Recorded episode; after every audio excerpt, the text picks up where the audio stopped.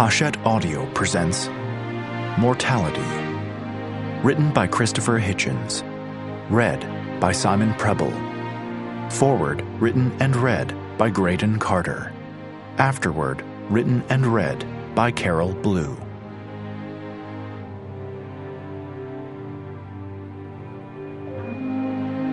Grateful acknowledgement is made to Vanity Fair, in which much of this book first appeared in somewhat different form.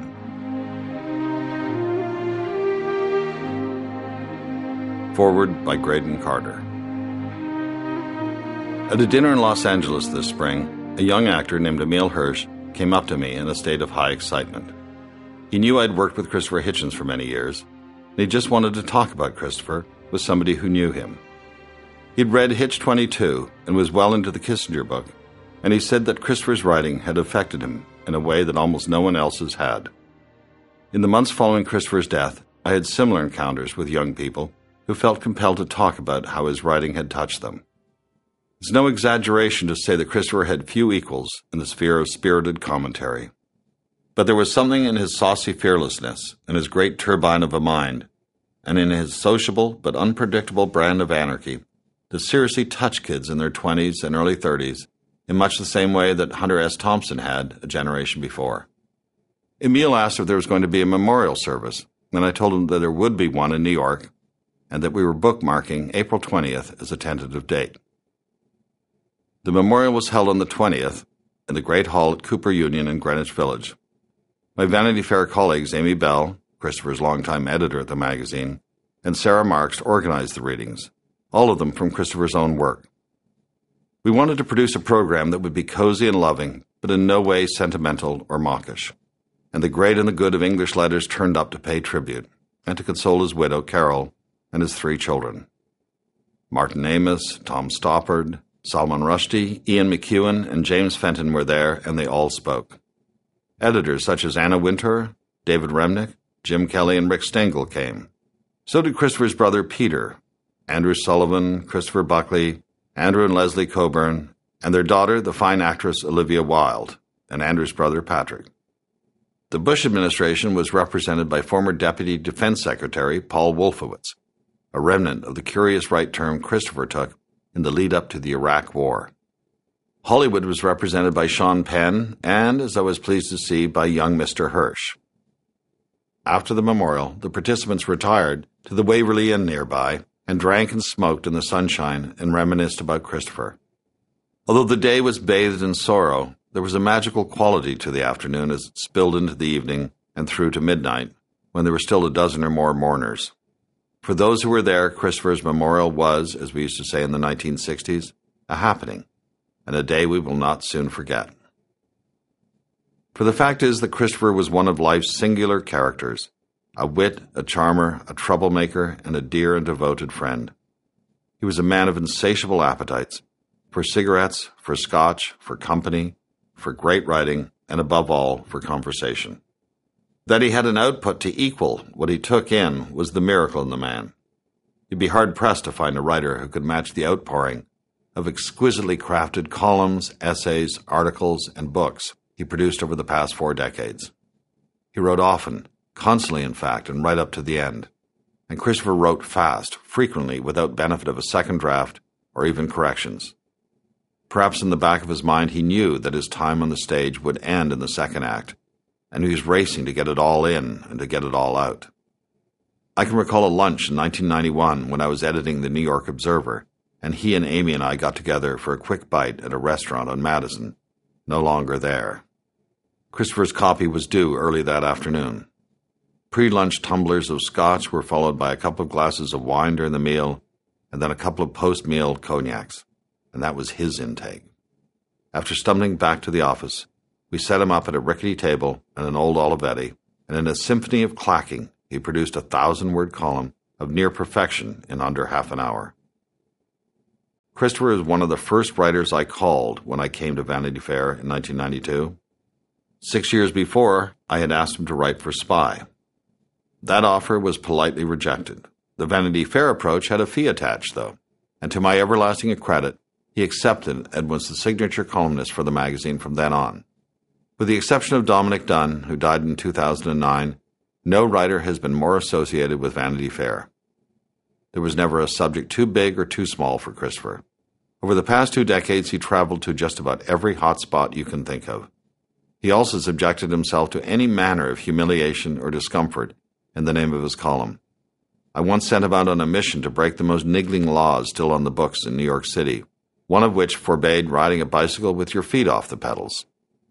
The photograph that ran with the column of Christopher sailing a small bike through Central Park with his legs in the air looked like something out of the Moscow circus. At the suggestion of Tom Hedley, an old hand from Harold Hayes' Esquire, I sent him off on a course of self improvement for a three part series in which he would subject himself to myriad treatments to refurbish his dental area and other dark regions. At one point, I suggested he go to a well regarded waxing parlor in town for what they indelicately call the sack, back, and crack. He struggled to absorb the full meaning of this, but after a few seconds, he smiled a nervous smile and said, In for a penny. Christopher was the beau ideal of the public intellectual. You felt as if he was writing to you and to you alone. And as a result, many readers felt they knew him. Walking with him down the street in New York or through an airplane terminal was like escorting a movie star through the throngs. Christopher was not just brave in facing the illness that took him, but brave in words and thought. He did not mind landing outside the cozy cocoon of conventional liberal wisdom his pro war stance before the invasion of Iraq being but one example. Friends distanced themselves from him during those unlit days, but he stuck to his guns. After his rather famous 1995 attack on Mother Teresa, one of our contributing editors, a devout Catholic, came into the office filled with umbrage and announced that he was canceling his subscription. You can't cancel it, I said. You get the magazine for free. Years ago, in the midst of the Clinton impeachment uproar, Christopher had a very public dust up with his friend Sidney Blumenthal, a Clinton White House functionary. The dispute was over which part of a conversation between them was or was not on the record. Christopher wound up on television a lot defending himself. He looked like hell, and I suggested we bring him to New York for a bit of a makeover and some R&R away from the cameras. The magazine was pretty flush back then, and we set him up with a new suit, shirts, ties, and such. When someone from the fashion department asked him what size his shoes were, he said he didn't know. The pair he had on was borrowed. I could not begin to list the pantheon of public intellectuals and close friends who will mourn this passing, and it is not limited to those who made it to his memorial. Christopher had his share of lady admirers too, including, but certainly not limited to, Ms. Wintour back when he was young and still relatively fragrant.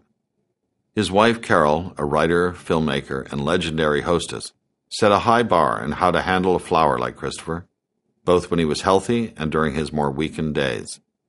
An invitation to their vast apartment in the Wyoming on Columbia Road in Washington, D.C., was a prize reward for being part of their circle or even on the fringes of it.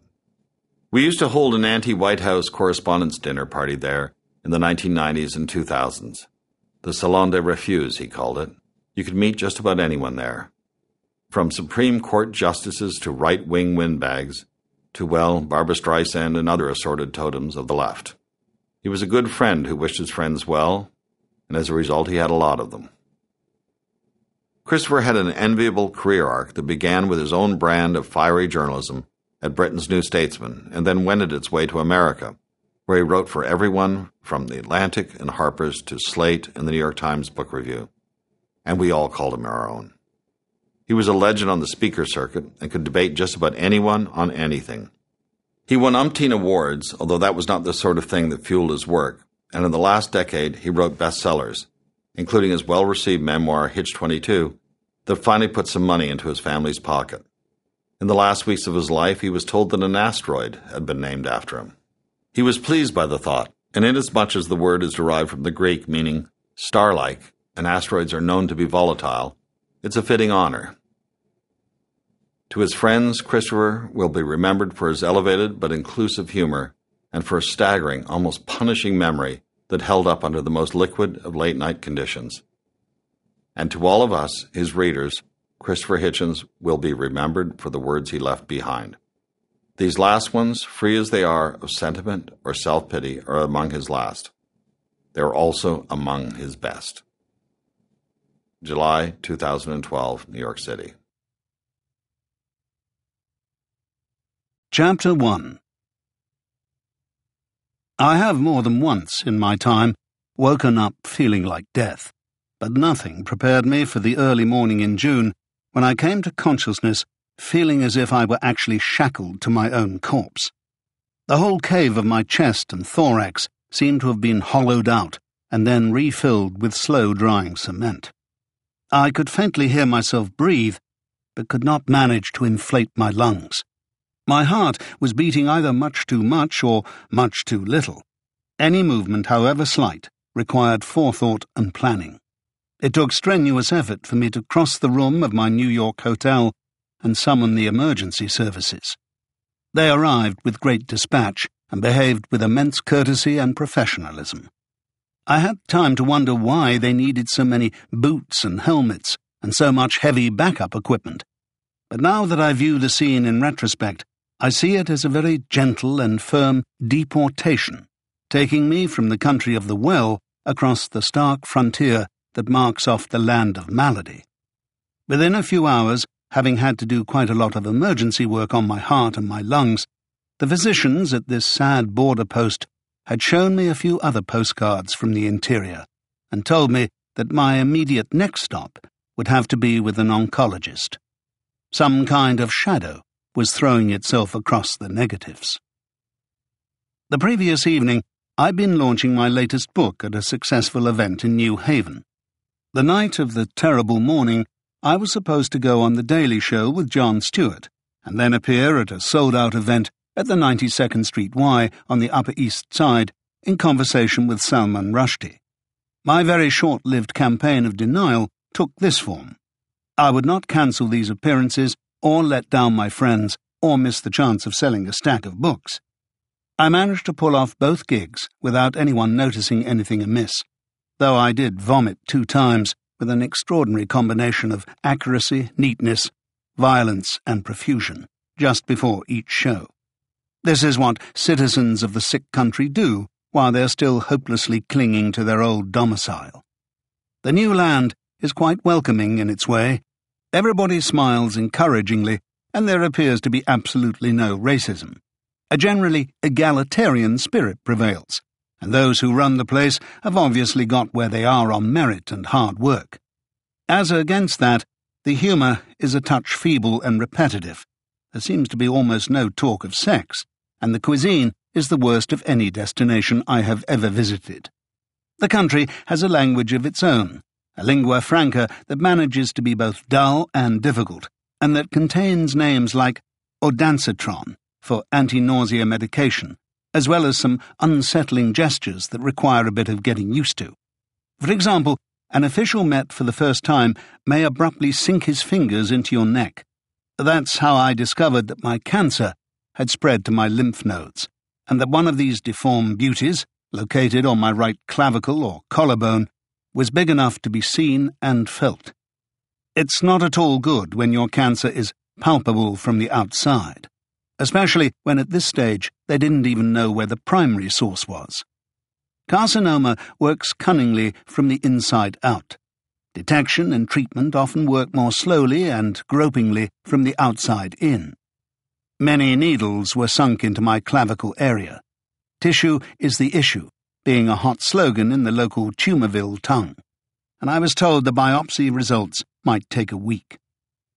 Working back from the cancer ridden squamous cells that these first results disclosed, it took rather longer than that to discover the disagreeable truth. The word metastasized was the one in the report that first caught my eye and ear. The alien had colonized a bit of my lung, as well as quite a bit of my lymph node and its original base of operations was located, had been located for quite some time, in my esophagus. My father had died, and very swiftly too, of cancer of the esophagus. He was 79, I am 61.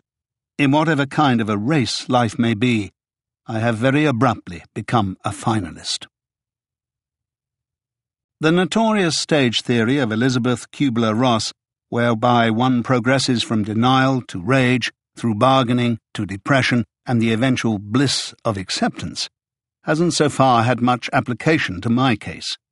In one way, I suppose, I've been in denial for some time, knowingly burning the candle at both ends and finding that it often gives a lovely light. But for precisely that reason, I can't see myself smiting my brow with shock or hear myself whining about how it's all so unfair. I've been taunting the Reaper into taking a free scythe in my direction, and have now succumbed to something so predictable and banal that it bores even me. Rage would be beside the point for the same reason. Instead, I'm badly oppressed by the gnawing sense of waste. I had real plans for my next decade and felt I'd worked hard enough to earn it. Will I really not live to see my children married, to watch the World Trade Center rise again, to read, if not indeed to write, the obituaries of elderly villains like Henry Kissinger and Joseph Ratzinger? But I understand this sort of non thinking for what it is sentimentality and self pity. Of course, my book hit the bestseller list on the day that I received the grimmest of news bulletins, and for that matter, the last flight I took as a healthy feeling person to a fine big audience at the Chicago Book Fair was the one that made me a million miler on United Airlines, with a lifetime of free upgrades to look forward to. But irony is my business, and I just can't see any ironies here. Would it be less poignant to get cancer on the day that my memoirs were remaindered as a box office turkey, or that I was bounced from a coach class flight and left on the tarmac? To the dumb question, why me? the cosmos barely bothers to return the reply, Why not? The bargaining stage, though. Maybe there's a loophole here. The oncology bargain is that in return for at least the chance of a few more useful years, you agree to submit to chemotherapy and then, if you're lucky with that, to radiation or even surgery. So here's the wager. You stick around for a bit, but in return, we're going to need some things from you. These things may include your taste buds, your ability to concentrate, your ability to digest, and the hair on your head. This certainly appears to be a reasonable trade. Unfortunately, it also involves confronting one of the most appealing cliches in our language. You've heard it all right. People don't have cancer.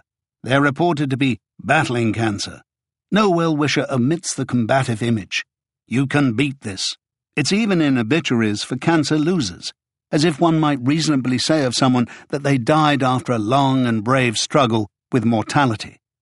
You don't hear it about long term sufferers from heart disease or kidney failure. Myself, I love the imagery of struggle. I sometimes wish I were suffering in a good cause or risking my life for the good of others, instead of just being a gravely endangered patient. Allow me to inform you, though, that when you sit in a room with a set of other finalists, and kindly people bring a huge transparent bag of poison and plug it into your arm, and you either read or don't read a book while the venom sac gradually empties itself into your system. The image of the ardent soldier or revolutionary is the very last one that will occur to you. You feel swamped with passivity and impotence, dissolving in powerlessness like a sugar lump in water. It's quite something, this chemo poison. It's caused me to lose about 14 pounds, though without making me feel any lighter. It's cleared up a vicious rash on my shins that no doctor could ever name, let alone cure. Some venom to get rid of those furious red dots without a struggle. Let it please be this mean and ruthless with the alien and its spreading dead zone colonies. But as against that, the death dealing stuff and life preserving stuff have also made me strangely neuter. I was fairly reconciled to the loss of my hair, which began to come out in the shower in the first two weeks of treatment, and which I saved in a plastic bag so that it could help fill a floating dam in the Gulf of Mexico. But I wasn't quite prepared for the way that my razor blade would suddenly go slipping pointlessly down my face, meeting no stubble, or for the way that my newly smooth upper lip would begin to look as if it had undergone electrolysis causing me to look a bit too much like somebody's maiden auntie. The chest hair that was once the toast of two continents hasn't yet wilted, but so much of it was shaved off for various hospital incisions that it's a rather patchy affair. I feel upsettingly denatured. If Penelope Cruz was one of my nurses, I wouldn't even notice. In the war against Thanatos, if we must term it a war, the immediate loss of Eros is a huge initial sacrifice. These are my first raw reactions to being stricken. I am quietly resolved to resist bodily as best I can, even if only passively, and to seek the most advanced advice. My heart and blood pressure and many other registers are now strong again. Indeed, it occurs to me that if I didn't have such a stout constitution, I might have led a much healthier life thus far. Against me is the blind, emotionless alien, cheered on by some who have long wished me ill. But on the side of my continued life is a group of brilliant and selfless physicians, plus an astonishing number of prayer groups. Of both of these, I hope to write next time, if, as my father invariably said, I am spared. Chapter 2 When I described the tumour in my esophagus as a blind, emotionless alien, I suppose that even I couldn't help awarding it some of the qualities of a living thing. This, at least, I know to be a mistake, an instance of the pathetic fallacy angry cloud, proud mountain, presumptuous little Beaujolais, by which we ascribe animate qualities to inanimate phenomena. To exist, a cancer needs a living organism, but it cannot ever become a living organism. Its whole malice, there I go again, lies in the fact that the best it can do is to die with its host. Either that, or its host will find the measures with which to extirpate and outlive it. But as I knew before I became ill, there are some people for whom this explanation is unsatisfying. To them, a rodent carcinoma really is a dedicated conscious agent, a slow acting suicide murderer on a consecrated mission from heaven. You haven't lived, if I can put it like this, until you have read contributions such as this on the websites of the faithful. Who else feels Christopher Hitchens getting terminal throat cancer was God's revenge for him using his voice to blaspheme him. Atheists like to ignore facts. They like to act like everything is a coincidence. Really? It's just a coincidence that out of any part of his body, Christopher Hitchens got cancer in the one part of his body he used for blasphemy. Yeah, keep believing that, atheists. He's going to writhe in agony and pain and wither away to nothing, and then die a horrible, agonizing death. And then comes the real fun, when he's sent to hellfire forever to be tortured and set afire. There are numerous passages in Holy Scripture and religious tradition that for centuries made this kind of gloating into a mainstream belief. Long before it concerned me particularly, I had understood the obvious objections. First, which mere primate is so damn sure that he can know the mind of God?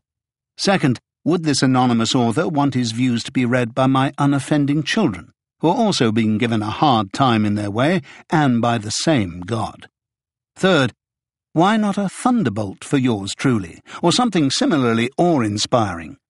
The vengeful deity has a sadly depleted arsenal if all he can think of is exactly the cancer that my age and former lifestyle would suggest that I got. Fourth, why cancer at all?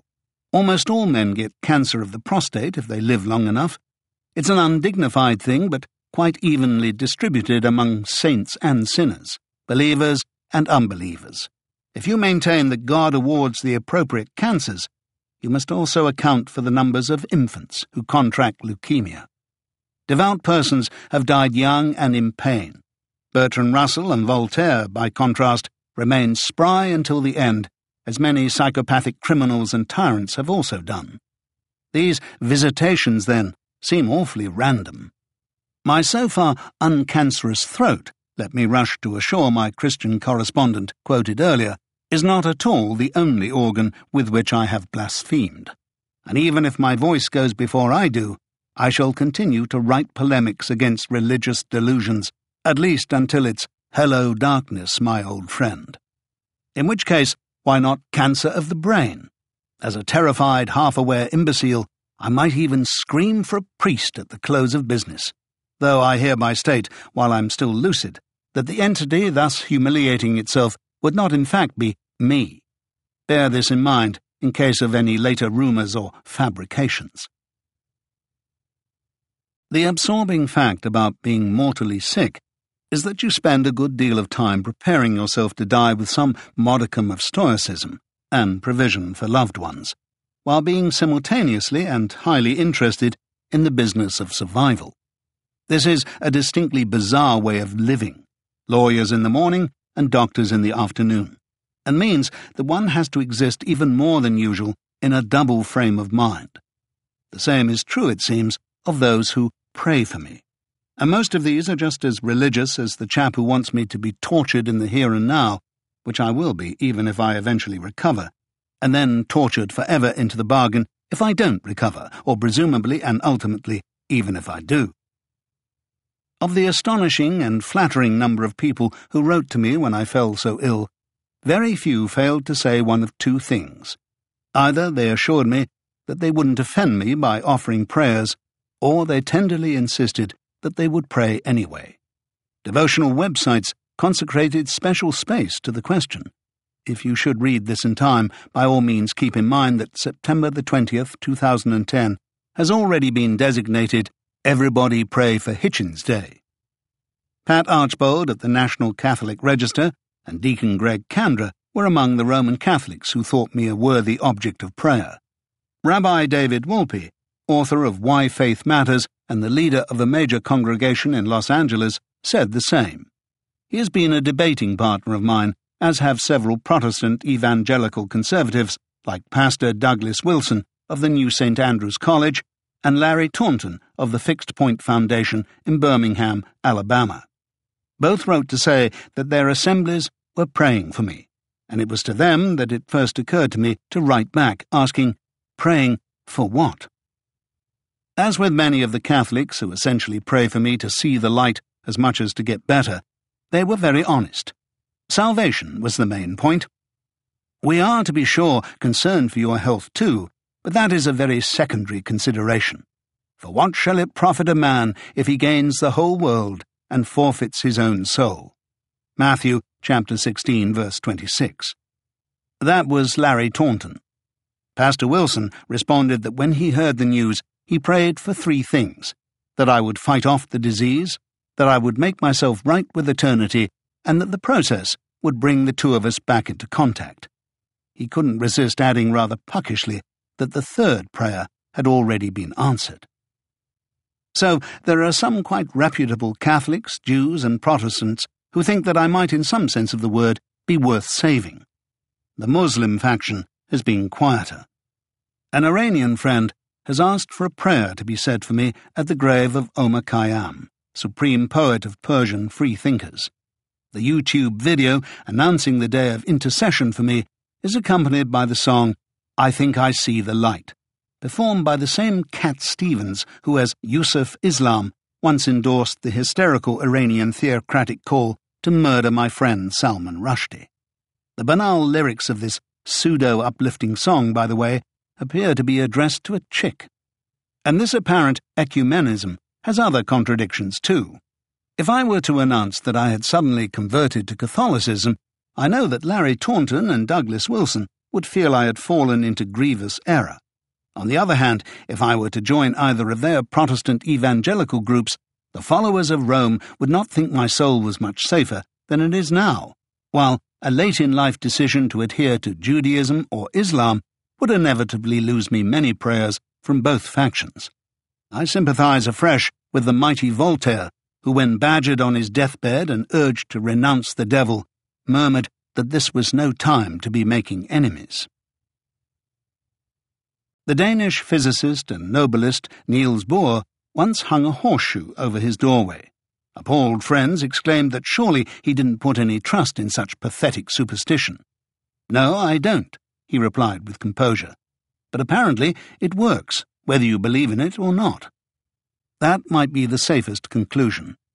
The most comprehensive investigation of the subject ever conducted, a study of the therapeutic effects of intercessory prayer of 2006, could find no correlation at all between the number and regularity of prayers offered and the likelihood that the person being prayed for would have improved chances but it did find a small but interesting negative correlation. in that some patients suffered slight additional woe when they failed to manifest any improvement. They felt that they had disappointed their devoted supporters. And morale is another unquantifiable factor in survival. I now understand this better than I did when I first read it. An enormous number of secular and atheist friends have told me encouraging and flattering things like, If anyone can beat this, you can. Cancer has no chance against someone like you. We know you can vanquish this. On bad days, and even on better ones, such exhortations can have a vaguely depressing effect. If I check out, I'll be letting all these comrades down. A different secular problem also occurs to me. What if I pulled through and the pious faction contentedly claimed that their prayers had been answered? That would somehow be irritating. I've saved the best of the faithful until the last. Dr. Francis Collins is one of the greatest living Americans.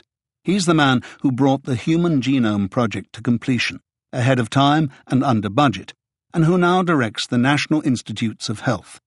In his work on the genetic origins of disorder, he helped decode the misprints that cause such calamities as cystic fibrosis and Huntington's disease. He's working now on the amazing healing properties that are latent in stem cells and in targeted gene based treatments. This great humanitarian is also a devotee of the work of C.S. Lewis, and in his book, The Language of God, has set out the case for making science compatible with faith.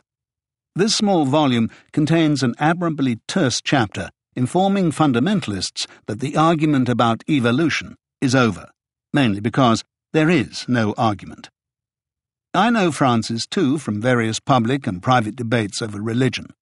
He's been kind enough to visit me in his own time and to discuss all sorts of novel treatments, only recently even imaginable, that might apply to my case.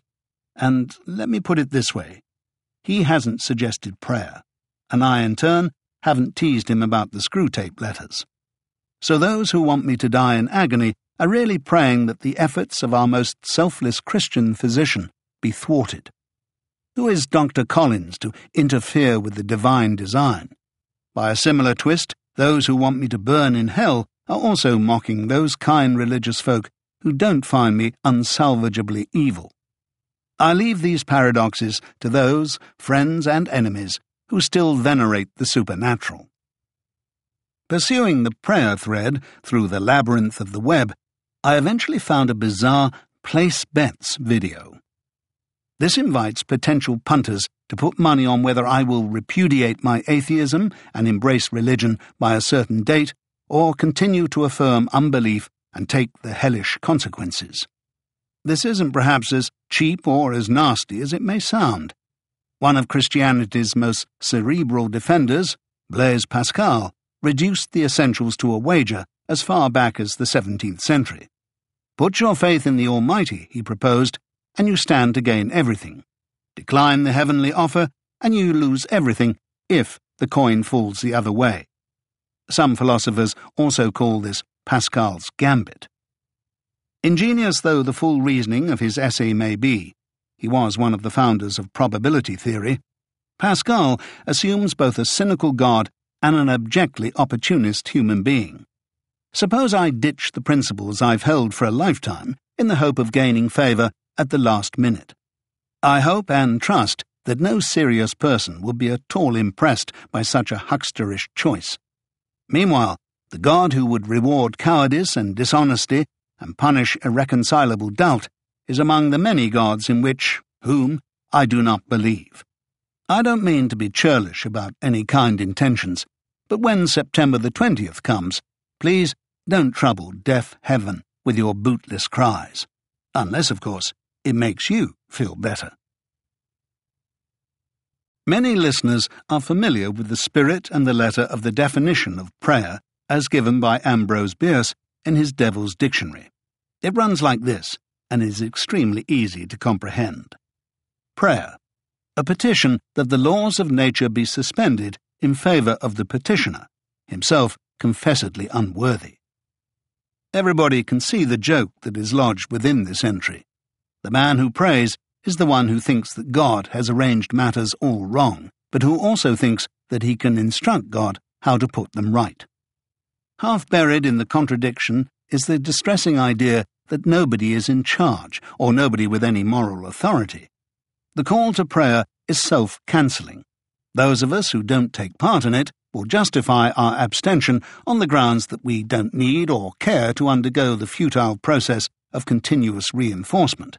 Either our convictions are enough in themselves, or they're not. At any rate, they do require standing in a crowd and uttering constant and uniform incantations. This is ordered by one religion to take place five times a day, and by other monotheists for almost that number, while all of them set aside at least one whole day for the exclusive praise of the Lord. And Judaism seems to consist in its original constitution of a huge list of prohibitions that must be followed before all else. The tone of the prayers replicates the silliness of the mandate, in that God is enjoined or thanked to do what he was going to do anyway. Thus, the Jewish male begins each day by thanking God for not making him into a woman, or a Gentile, while the Jewish woman contents herself with thanking the Almighty for creating her as she is. Presumably, the Almighty is pleased to receive this tribute to his power and the approval of those he created. It's just that if he is truly Almighty, the achievement would seem rather a slight one. Much the same applies to the idea that prayer, instead of making Christianity look foolish, makes it appear convincing. We'll just say with Christianity today. Now, it can be asserted with some confidence, first, that its deity is all wise and all powerful, and second, that its congregants stand in desperate need of that deity's infinite wisdom and power. Just to give some elementary quotations, it's stated in the book of Philippians, chapter 4, verse 6 Be careful for nothing but in everything, by prayer and supplication and thanksgiving, let your requests be known to God. Deuteronomy, chapter 32, verse 4, proclaims that He is the rock, His work is perfect. And Isaiah, chapter 64, verse 8, tells us, Now, O Lord, thou art our Father, we art clay, and thou art potter, and we are all the work of thy hand. Note then that Christianity insists on the absolute dependence of its flock, and then only on the offering of undiluted praise and thanks. A person using prayer time to ask for the world to be set to rights, or to beseech God to bestow a favour upon himself, would in effect be guilty of a profound blasphemy, or at the very least, a pathetic misunderstanding. It's not for the mere human to be presuming that he or she can advise the divine. And this, sad to say, opens religion to the additional charge of corruption. The leaders of the Church know perfectly well that prayer is not intended to gratify the devout, so that every time they accept a donation in return for some petition, they're accepting a gross negation of their faith, a faith that depends on the passive acceptance of the devout and not on their making demands for betterment. Eventually, and after a bitter and schismatic quarrel, practices like the notorious sale of indulgences were abandoned, but many a fine basilica or chantry would not be standing today if this awful violation had not turned such a spectacularly good profit. And today it's easy enough to see at the revival meetings of Protestant fundamentalists the counting of the checks and bills before the laying on of hands by the preacher has even been completed. Again, the spectacle is a shameless one with the Calvinists having in some ways replaced Rome as the most exorbitant holy fundraisers. And, before we run out of contradictions, it seems doubly absurd for a Calvinist to take an interest in divine intercession. The founding constitution of the Presbyterian Church famously proclaimed from Philadelphia that, by the decree of God for the manifestation of his glory, some men and angels are predestinated unto everlasting life and others foreordained for everlasting death, without any foresight of faith or good works, or perseverance in either of them, or any other thing in the creature, as conditions. Plainly put, this means that it doesn't matter whether you try to lead a holy life or even succeed in doing so. Random caprice will still determine whether or not you receive a heavenly reward. In these circumstances, the emptiness of prayer is almost the least of it. Beyond that minor futility, the religion which treats its flock as a credulous plaything offers one of the cruelest spectacles that can be imagined. A human being in fear and doubt who is openly exploited to believe in the impossible. In the argument over prayer, then, please do not be shocked if it is we atheists who wear the pitying look as any moment of moral crisis threatens to draw near. Chapter 3 I figure she should take care of herself, put herself in a deep freeze, and in a year or two, in all likelihood, they'll develop a pill that'll clear this up simple as a common cold. Already you know some of these cortisones, but the doctor tells us they don't know, but what the side effects may be worse. You know, the big C? My figuring is, take the chance. They're just about ready to lick cancer anyway, and with these transplants, pretty soon they can replace your whole insides. Mr. Angstrom, Sr., in John Updike's Rabbit Redux, 1971. Updike's novel was set in what might be called the optimistic years of the Nixon administration, the time of the Apollo mission and the birth of that all American can do expression that begins, If we can put a man on the moon.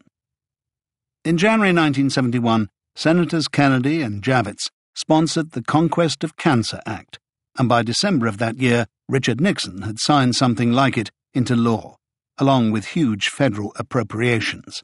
The talk was all of a war on cancer. Four decades later, those other glorious wars, on poverty and drugs and terror, combined to mock such rhetoric, and as often as I'm encouraged to battle my own tumour, I can't shake the feeling that it is the cancer that is making war on me. The dread with which it is discussed, the big C, is still almost superstitious. So is the ever whispered hope of a new treatment or cure. In her famous essay on Hollywood, Pauline Kael described it as a place where you could die of encouragement. That may still be true of Tinseltown. In Tumortown, you sometimes feel that you may expire from sheer advice. A lot of it comes free and unsolicited. I must, without delay, begin ingesting the granulated essence of the peach pit, or is it the apricot? A sovereign remedy known to ancient civilizations but now covered up by greedy modern doctors. Another correspondent urges heaping doses of testosterone supplements, perhaps as a morale booster. Or I must find ways of opening certain chakras and putting myself in an appropriately receptive mental state. Macrobiotic or vegan diets will be all I require for nourishment during this experience. And don't laugh at poor old Mr. Angstrom, quoted earlier. Somebody has written to me from a famous university to suggest that I have myself cryonically or cryogenically frozen against the day when the magic bullet, or whatever it is, has been devised. When I failed to reply to this, I got a second missive suggesting that I freeze at least my brain so that its cortex could be appreciated by posterity. Well, I mean to say, gosh, thanks awfully. As against all that, I did get a kind note from a Cheyenne Arapaho friend of mine saying that everyone she knew who had resorted to tribal remedies had died almost immediately, and suggesting that if I were offered any Native American medicines, I should move as fast as possible in the opposite direction. Some advice can actually be taken. Even in the world of sanity and modernity, though, it often cannot. Extremely well informed people also get in touch to insist that there really is only one doctor or only one clinic. These physicians and facilities are as far apart as Cleveland and Kyoto. Even if I had possession of my own aircraft, I would never be able to assure myself that I had tried everyone, let alone everything. The citizens of Tumortown are forever assailed with cures and rumours of cures. I actually did take myself to one grand palazzo of a clinic in the richer part of the stricken city, which I will not name because all I got from it was a long and dull exposition of what I already knew, plus, while lying on one of the fabled establishment's examination tables, a bug bite that briefly doubled the size of my left hand, completely surplus even to my precancerous requirements, but a real irritation to someone with a chemically corroded immune system. Still and all, this is both an exhilarating and a melancholy time to have a cancer like mine. Exhilarating because my calm and scholarly oncologist, Dr. Frederick Smith, can design a chemo cocktail that has already shrunk some of my secondary tumours and can tweak said cocktail to minimize certain nasty side effects. That wouldn't have been possible when Updike was writing his book or when Nixon was proclaiming his war. But melancholy, too, because new peaks of medicine are rising and new treatments beginning to be glimpsed, and they have probably come too late for me. For example, I was encouraged to learn of a new immunotherapy protocol evolved by Drs. Steven Rosenberg and Nicholas Restifo at the National Cancer Institute. Actually, the word encouraged is an understatement. I was hugely excited. It is now possible to remove T cells from the blood, subject them to a process of genetic engineering, and then re inject them to attack the malignancy. Some of this may sound like space age medicine, wrote Dr. Restifo as if he too had been rereading Updike. But we have treated well over 100 patients with gene engineered T cells and have treated over 20 patients with the exact approach that I'm suggesting may be applicable to your case. There was a catch, and it involved a match. My tumour had to express a protein called NY ESO 1, and my immune cells had to have a particular molecule named HLA A2. Given this pairing, the immune system could be charged up to resist the tumour. The odds look good, in that half of those with European or Caucasian genes do have that very molecule, and my tumour, when analysed, did have the protein. But my immune cells declined to identify as sufficiently Caucasian. Other similar trials are under review by the Food and Drug Administration, but I'm in a bit of a hurry and I can't forget the feeling of flatness that I experienced when I received the news. Best perhaps to get these false hopes behind one quickly. It was in the same week that I was told that I didn't have the necessary mutations in my tumour to qualify for any other of the targeted cancer therapies currently on offer. A night or so later, I was emailed by perhaps 50 friends because 60 Minutes had run a segment about the tissue engineering, by way of stem cells, of a man with a cancerous esophagus. He had effectively been medically enabled to grow a new one. I excitedly contacted my friend, Dr. Collins, father of genome based treatment, who gently but firmly told me that my cancer has spread too far beyond my esophagus to be treatable by such a means. Analyzing the blues that I developed during those lousy seven days, I discovered that I felt cheated as well as disappointed. Until you have done something for humanity, wrote the great American educator Horace Mann, you should be ashamed to die.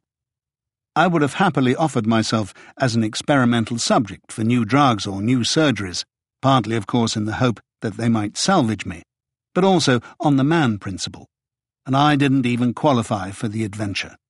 So I have to trudge on with the chemo routine, augmented, if it proves worthwhile, by radiation and perhaps the much discussed CyberKnife for a surgical intervention. Both of these things near miraculous when compared with the recent past. There is an even longer shot that I do propose to attempt, even though its likely efficacy lies at the outer limits of probability. I'm going to try to have my entire DNA sequenced, along with the genome of my tumour. Francis Collins was typically sober in his evaluation of the usefulness of this. If the two sequencings could be performed, he wrote to me, it could be clearly determined what mutations were present in the cancer that is causing it to grow. The potential for discovering mutations in the cancer cells that could lead to a new therapeutic idea is uncertain. This is at the very frontier of cancer research right now. Partly for that reason, as he advised me, the cost of having it done is also very steep at the moment.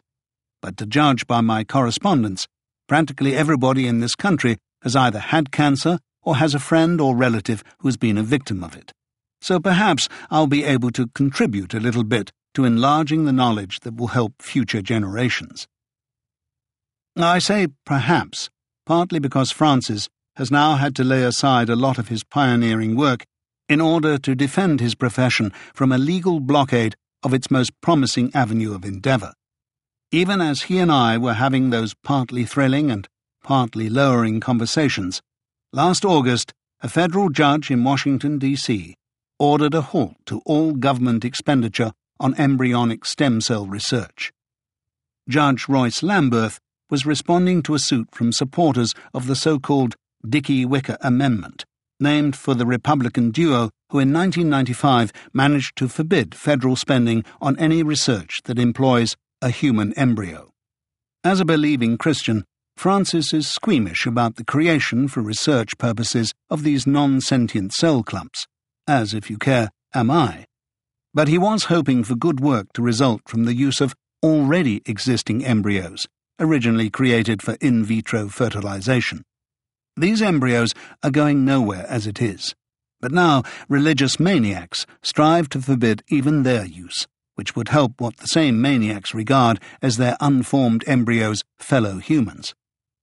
The politicized sponsors of this pseudo scientific nonsense should be ashamed to live, let alone die. If you want to take part in the war against cancer and other terrible maladies too, then join the battle against their lethal stupidity. Chapter 4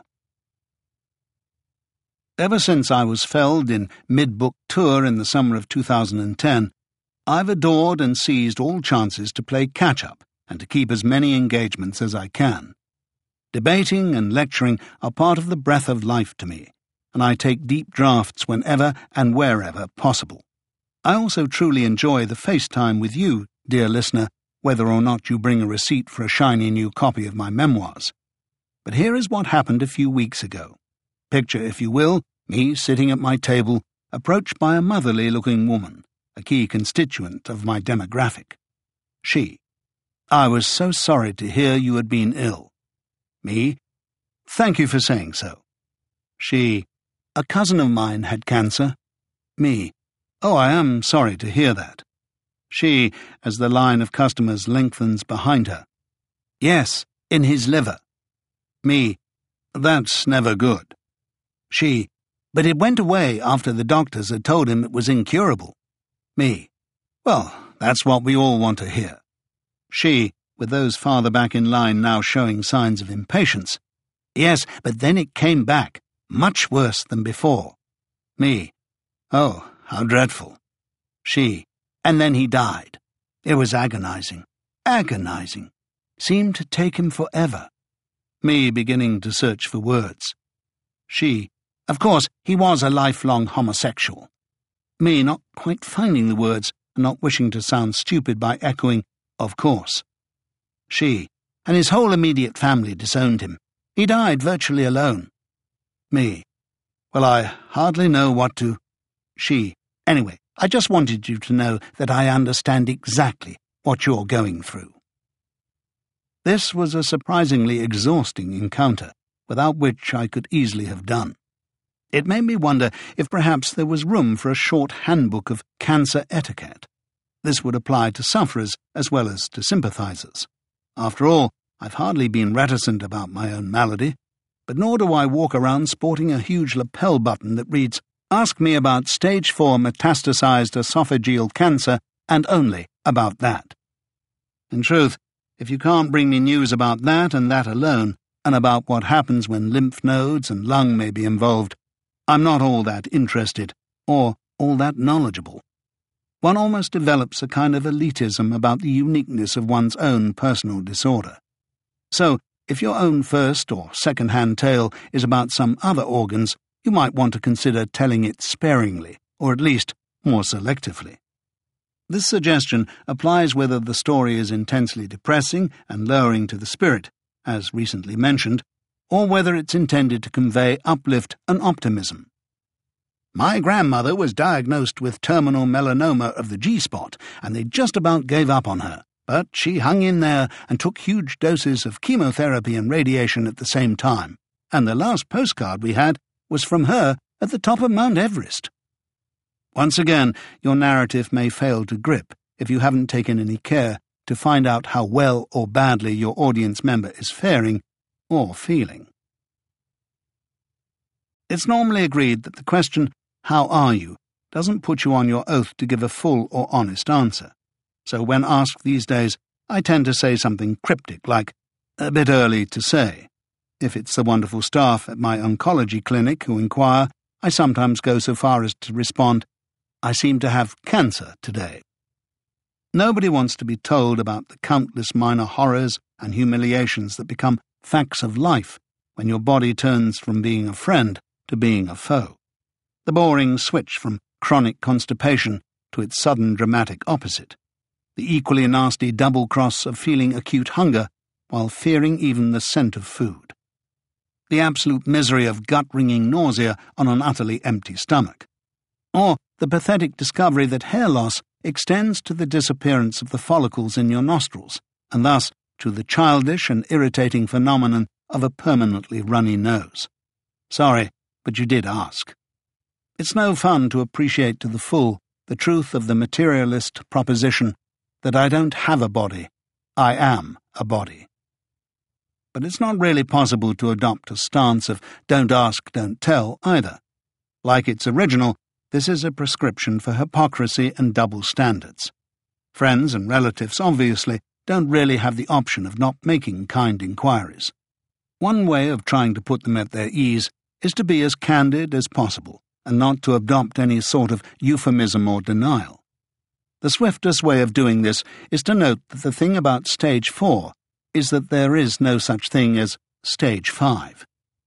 Quite rightly, some take me up on it. I recently had to accept that I wasn't going to be able to attend my niece's wedding in my old hometown and former university in Oxford. This depressed me for more than one reason, and an especially close friend inquired is it that you're afraid you'll never see England again? As it happens, he was exactly right to ask, and it had been precisely that which had been bothering me. But I was unreasonably shocked by his bluntness. I'll do the facing of hard facts, thanks. Don't you be doing it too. And yet I had absolutely invited the question. Telling someone else with deliberate realism that once I'd had a few more scans and treatments, I might be told by the doctors that things from now on could be mainly a matter of management. I again had the wind knocked out of me when she said, Yes, I suppose a time comes when you have to consider letting go. How true and how crisp a summary of what I had just said myself. But again, there was the unreasonable urge to have a kind of monopoly on, or a sort of veto over, what was actually sayable. Cancer victimhood contains a permanent temptation to be self centered and even solipsistic. So, my proposed etiquette handbook would impose duties on me, as well as upon those who say too much or too little, in an attempt to cover the inevitable awkwardness in diplomatic relations between Tumour Town and its neighbours. If you want an instance of exactly how not to be an envoy from the former, I would offer you both the book and the video of the last lecture. It would be in bad taste to say that this, a pre recorded farewell by the late Professor Randy Pausch, has gone viral on the internet, but so it has. It should bear its own health warning, so sugary that you may need an insulin shot to withstand it. Pausch used to work for Disney, and it shows. He includes a whole section in defense of cliche, not omitting, other than that, Mrs. Lincoln, how was the play? The words kid or childhood and dream are employed as if for the very first time. Anyone who uses childhood and dream in the same sentence usually gets my attention. Pausch taught at Carnegie Mellon, but it's the Dale Carnegie note that he likes to strike. Brick walls are there for a reason, to give us a chance to show how badly we want something. Of course, you don't have to read Pausch's book, but many students and colleagues did have to attend the lecture at which Pausch did push ups, showed home videos, mugged for the camera, and generally joshed its head off. It ought to be an offence to be excruciating and unfunny in circumstances where your audience is almost morally obliged to enthuse. This was as much an intrusion in its way as that of the relentless motherly persecutor with whom I began. As the populations of Tumour Town and Wellville continue to swell and to interact, there is a growing need for ground rules that prevent us from inflicting ourselves upon one another. Chapter 5 I have seen the moment of my greatness flicker, and I have seen the eternal footman hold my coat and snicker, and in short, I was afraid. T.S. Eliot, The Love Song of J. Alfred Prufrock. Like so many of life's varieties of experience, the novelty of a diagnosis of malignant cancer has a tendency to wear off. The thing begins to pall, even to become banal. One can become quite used to the spectre of the eternal footman, like some lethal old bore lurking in the hallway at the end of the evening, hoping for the chance to have a word. And I don't so much object to his holding my coat in that marked manner, as if mutely reminding me that it's time to be on my way. No, it's the snickering that gets me down. On a much too regular basis, the disease serves me up with the teasing special of the day or flavour of the month. It might be random sores and ulcers on the tongue or in the mouth. Or why not a touch of peripheral neuropathy involving numb and chilly feet? Daily existence becomes a babyish thing, measured out not in Prufrock's coffee spoons, but in tiny doses of nourishment, accompanied by heartening noises from onlookers or solemn discussions of the operations of the digestive system conducted with motherly strangers. On the less good days, I feel like that wooden legged piglet belonging to a sadistically sentimental family that could bear to eat him only a chunk at a time. Except that cancer isn't so considerate. Most despond inducing and alarming of all, so far, was the moment when my voice suddenly rose to a childish or perhaps piglet like piping squeak.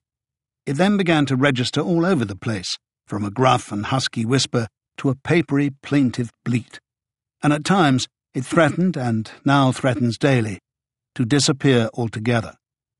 I had just returned from giving a couple of speeches in California, where, with the help of morphine and adrenaline, I could still successfully project my utterances when I made an attempt to hail a taxi outside my home, and nothing happened.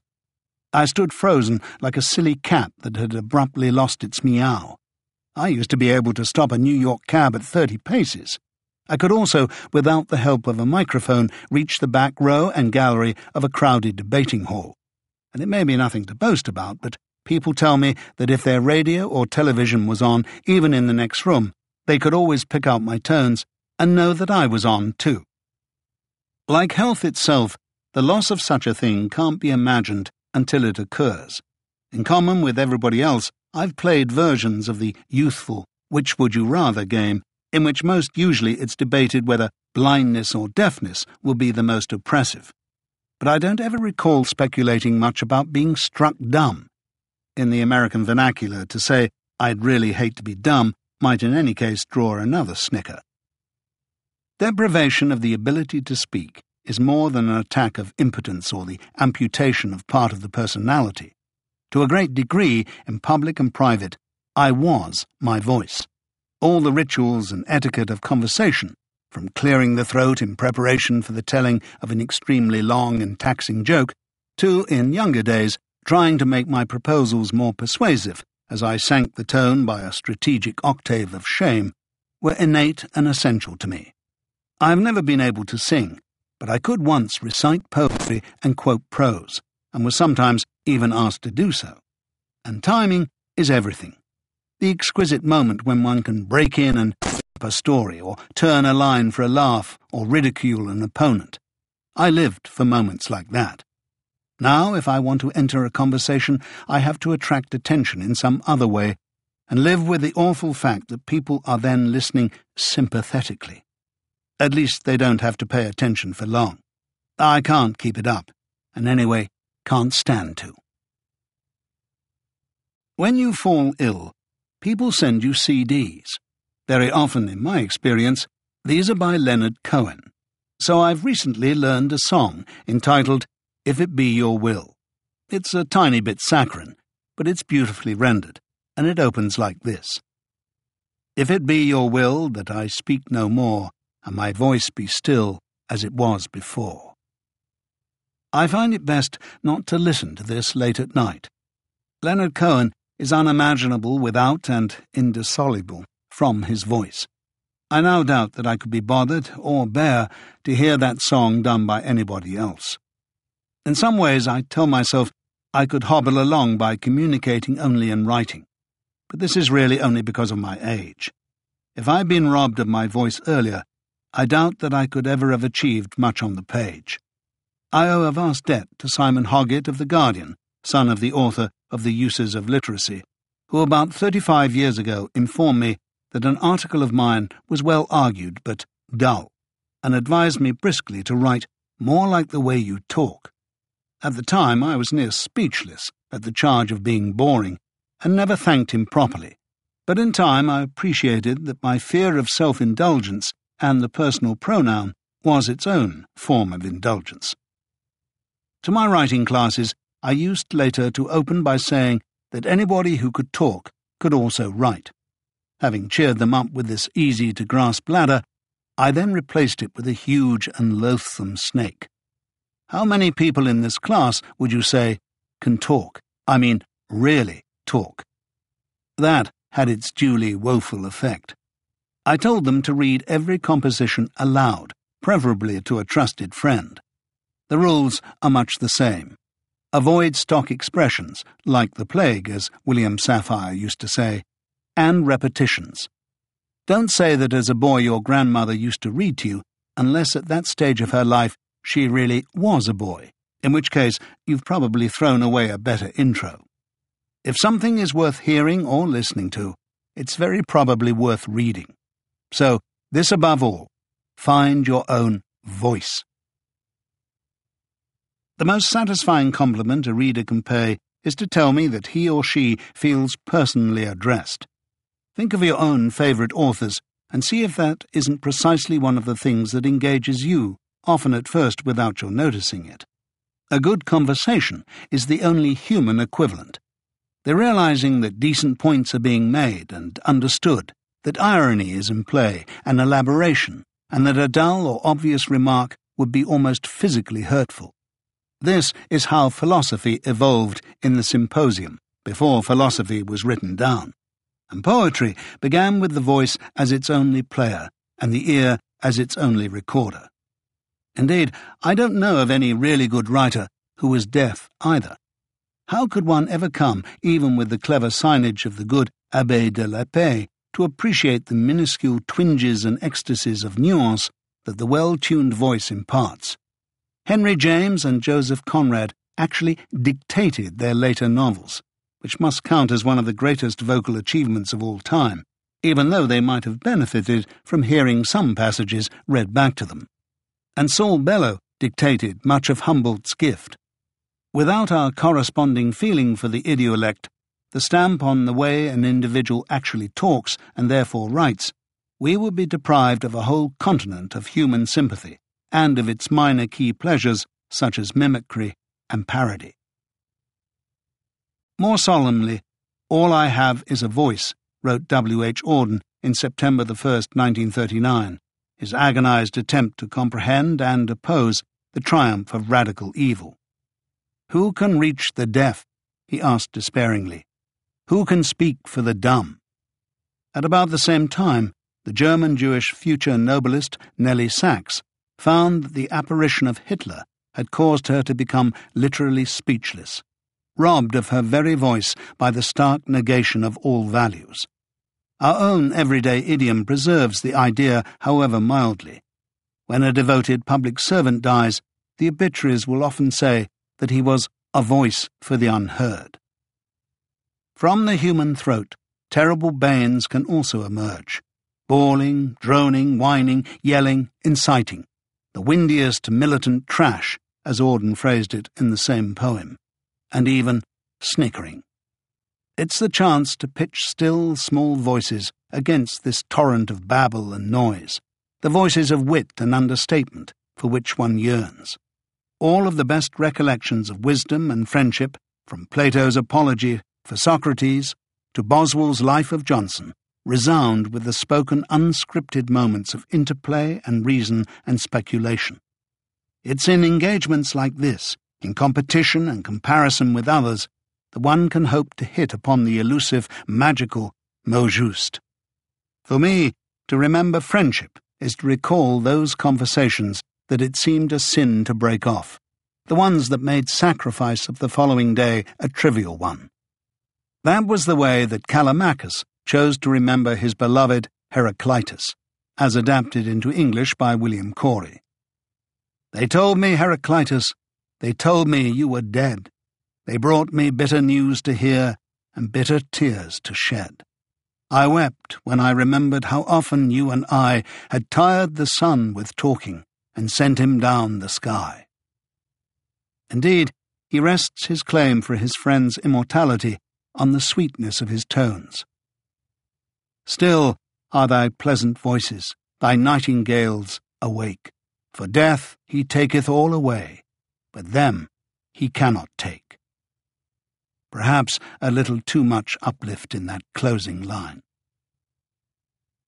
In the medical literature, the vocal cord is a mere fold, a piece of gristle that strives to reach out and touch its twin, thus producing the possibility of sound effects. But I feel that there must be a deep relationship with the word chord, the resonant vibration that can stir memory, produce music, evoke love, bring tears, move crowds to pity and mobs to passion. We may not be, as we used to boast, the only animals capable of speech, but we are the only ones who can deploy vocal communication for sheer pleasure and recreation, combining it with our two other boasts of reason and humour to produce higher syntheses. To lose this ability is to be deprived of an entire range of faculty. It is assuredly to die more than a little. My chief consolation in this year of living dyingly has been the presence of friends.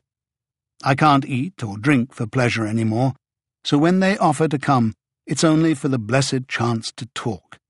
Some of these comrades can easily fill a hall with paying customers, avid to hear them. They are talkers with whom it's a privilege just to keep up. Now at least I can do the listening for free. Can they come and see me? Yes, but only in a way. So now every day I go to a waiting room and watch the awful news from Japan on cable TV, often closed captioned, just to torture myself, and wait impatiently for a high dose of protons to be fired into my body at two thirds the speed of light. What do I hope for? If not a cure, then a remission. And what do I want back? In the most beautiful apposition of two of the simplest words in our language the freedom of speech.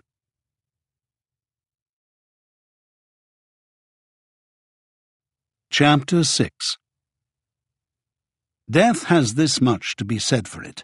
You don't have to get out of bed for it. Wherever you happen to be, they bring it to you, free. Kingsley Amis. Pointed threats they bluff with scorn, suicide remarks are torn from the fool's gold mouthpiece, the hollow horn, plays wasted words, proves to warn that he not busy being born is busy dying. Bob Dylan, it's all right, Ma, I'm only bleeding.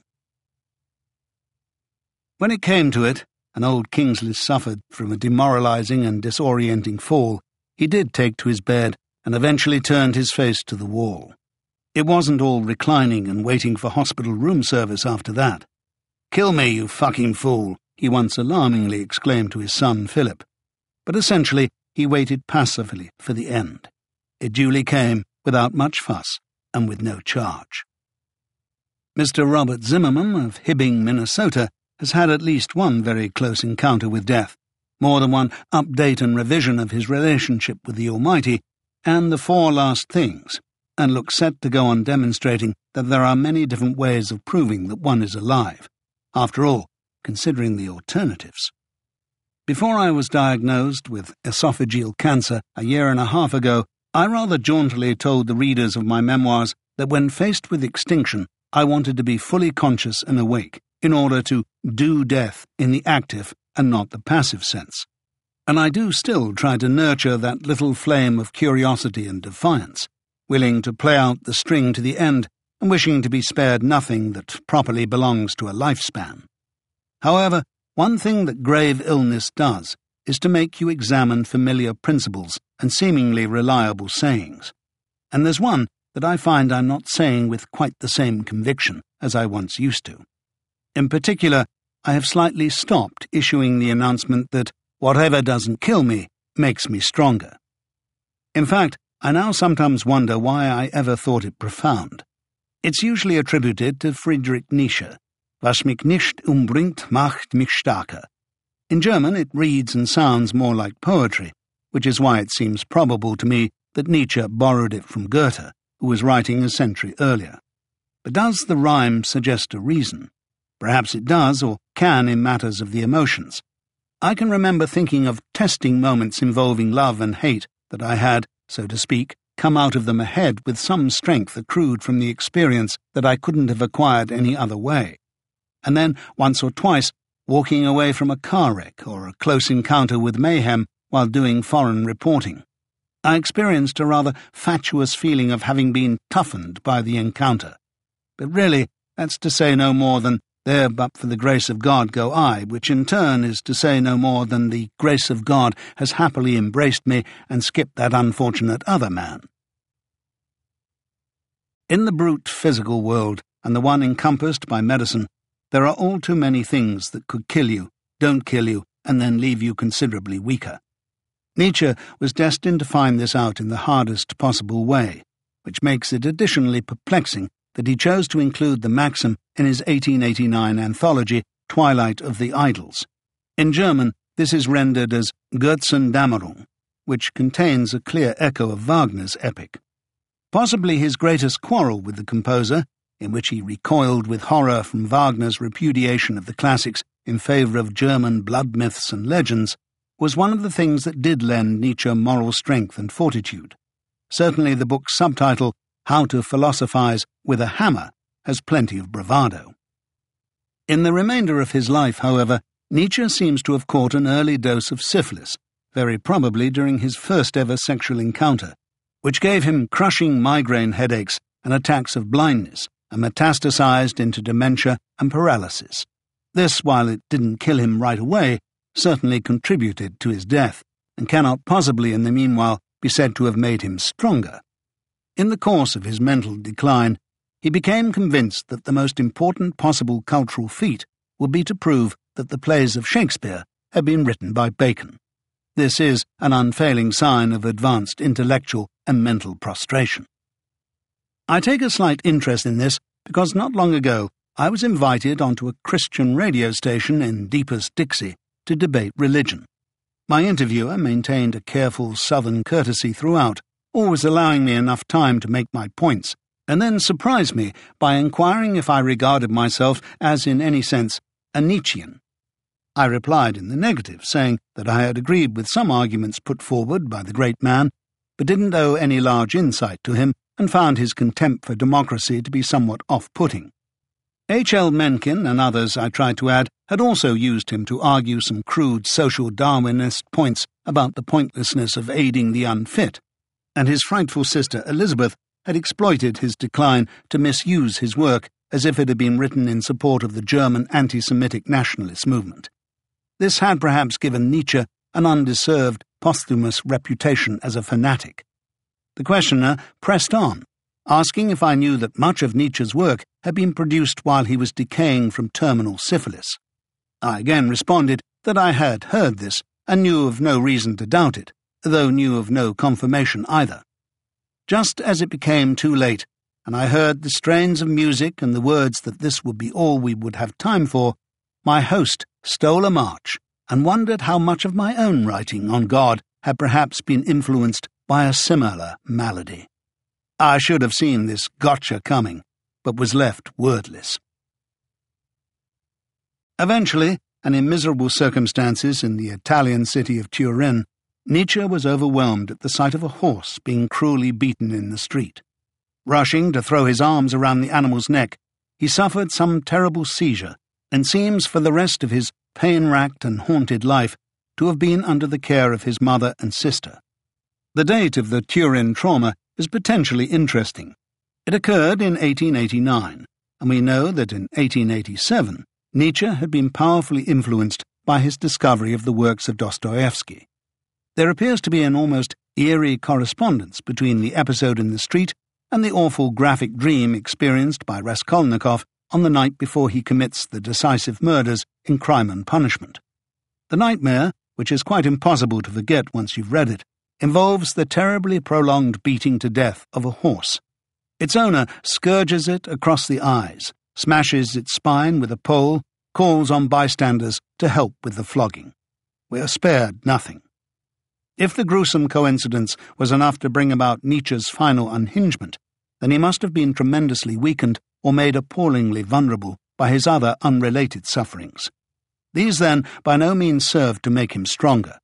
The most he could have meant, I now think, is that he made the most of his few intervals from pain and madness to set down his collections of penetrating aphorism and paradox. This may have given him the euphoric impression that he was triumphing and making use of the will to power. Twilight of the Idols was actually published almost simultaneously with the horror in Turin, so the coincidence was pushed as far as it could reasonably go. Or take an example from an altogether different and more temperate philosopher, nearer to our own time. The late Professor Sidney Hook was a famous materialist and pragmatist who wrote sophisticated treatises that synthesized the work of John Dewey and Karl Marx. He, too, was an unrelenting atheist. Toward the end of his long life, he became seriously ill and began to reflect on the paradox that, based as he was in the medical mecca of Stanford, California, he was able to avail himself of a historically unprecedented level of care, while at the same time being exposed to a degree of suffering that previous generations might not have been able to afford. Reasoning on this, after one especially horrible experience, from which he had eventually recovered, he decided that he would, after all, rather have died. I lay at the point of death. A congestive heart failure was treated for diagnostic purposes by an angiogram that triggered a stroke. Violent and painful hiccups, uninterrupted for several days and nights, prevented the ingestion of food. My left side and one of my vocal cords became paralyzed.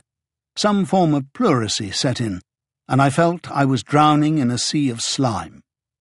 In one of my lucid intervals during those days of agony, I asked my physician to discontinue all life supporting services, or show me how to do it. The physician denied this plea, rather loftily assuring Hook that some day I would appreciate the unwisdom of my request. But the Stoic philosopher, from the vantage point of continued life, still insisted that he wished he had been permitted to expire. He gave three reasons. Another agonizing stroke could hit him, forcing him to suffer it all over again. His family was being put through a hellish experience. Medical resources were being pointlessly expended. In the course of his essay, he used a potent phrase to describe the position of others who suffer like this, referring to them as lying on mattress graves. If being restored to life doesn't count as something that doesn't kill you, then what does? And yet, there seems no meaningful sense in which it made Sidney Hook stronger. Indeed, if anything, it seems to have concentrated his attention on the way in which each debilitation builds on its predecessor and become one cumulative misery with only one possible outcome. After all, if it were otherwise, then each attack, each stroke, each vile hiccup, each slime assault, would collectively build one up and strengthen resistance, and this is plainly absurd. So we're left with something quite unusual in the annals of unsentimental approaches to extinction. Not the wish to die with dignity, but the desire to have died. Professor Hook eventually left us in 1989, and I'm a generation younger than him. I haven't sailed as close to the bitter end as he had to do, nor have I yet had to think of having such an arduous conversation with a physician. But I do remember lying there and looking down at my naked torso, which was covered almost from throat to navel by a vivid red radiation rash. This was the product of a month long bombardment with protons, which had burned away all of the cancer in my clavicular and paratracheal nodes, as well as the original tumour in the esophagus. This put me in a rare class of patients who could claim to have received the highly advanced expertise uniquely available at the stellar zip code of MD Anderson Cancer Center in Houston. To say the rash hurt would be pointless. The struggle is to convey the way that it hurt on the inside. I lay for days on end, trying in vain to postpone the moment when I would have to swallow. Every time I did swallow, a hellish tide of pain would flow up my throat, culminating in what felt like a mule kick in the small of my back. I wondered if things looked as red and inflamed within as they did without. And then I had an unprompted rogue thought. If I had been told about all this in advance, would I have opted for the treatment? There were several moments as I bucked and writhed and gasped and cursed when I seriously doubted it. It's probably a merciful thing that pain is impossible to describe from memory. It's also impossible to warn against. If my proton doctors had tried to tell me up front, they might perhaps have spoken of grave discomfort, or perhaps of a burning sensation. I only know that nothing at all could have readied or steadied me for this thing that seemed to scorn painkillers and to attack me in my core. I now seem to have run out of radiation options in those spots. Thirty-five straight days being considered as much as anyone can take. And while this isn't in any way good news, it spares me from having to wonder if I would willingly endure the same course of treatment again. But mercifully, too, I now can't summon the memory of how I felt during those lacerating days and nights, and I've since had some intervals of relative robustness. So, as a rational actor, taking the radiation together with the reaction and the recovery, I have to agree that if I had declined the first stage, thus avoiding the second and the third, I would already be dead. And this has no appeal. However, there is no escaping the fact that I am otherwise enormously weaker than I was then. How long ago it seems that I presented the Proton team with champagne and then hopped almost nimbly into a taxi. During my next hospital stay in Washington, D.C., the institution gifted me with a vicious staph pneumonia and sent me home twice with it, that almost snuffed me out. The annihilating fatigue that came over me in consequence also contained the deadly threat of surrender to the inescapable. I would often find fatalism and resignation washing drearily over me as I failed to battle my general inanition. Only two things rescued me from betraying myself and letting go. A wife, who would not hear of me talking in this boring and useless way, and various friends who also spoke freely. Oh, and the regular painkiller. How happily I measured off my day as I saw the injection being readied. It counted as a real event. With some analgesics, if you're lucky, you can actually feel the hit as it goes in, a sort of warming tingle with an idiotic bliss to it. To have come to this, like the sad goons who raid pharmacies for OxyContin. But it was an alleviation of boredom and a guilty pleasure, not many of those in Tumour Town, and not least, a relief from pain. In my English family, the role of national poet was not taken by Philip Larkin, but by John Betjeman, bard of suburbia and the middle class, and a much more mordant presence than the rather teddy bearish figure he sometimes presented to the world. His poem, Five O'Clock Shadow, shows him at his least furry.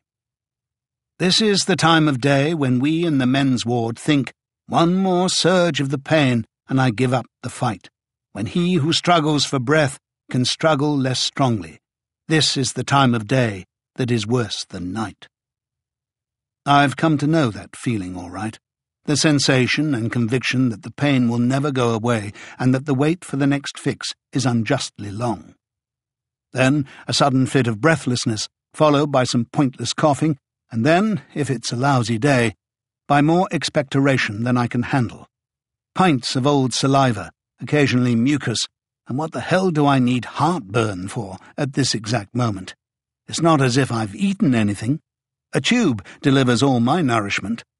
All of this, and the childish resentment that goes with it, constitutes a weakening.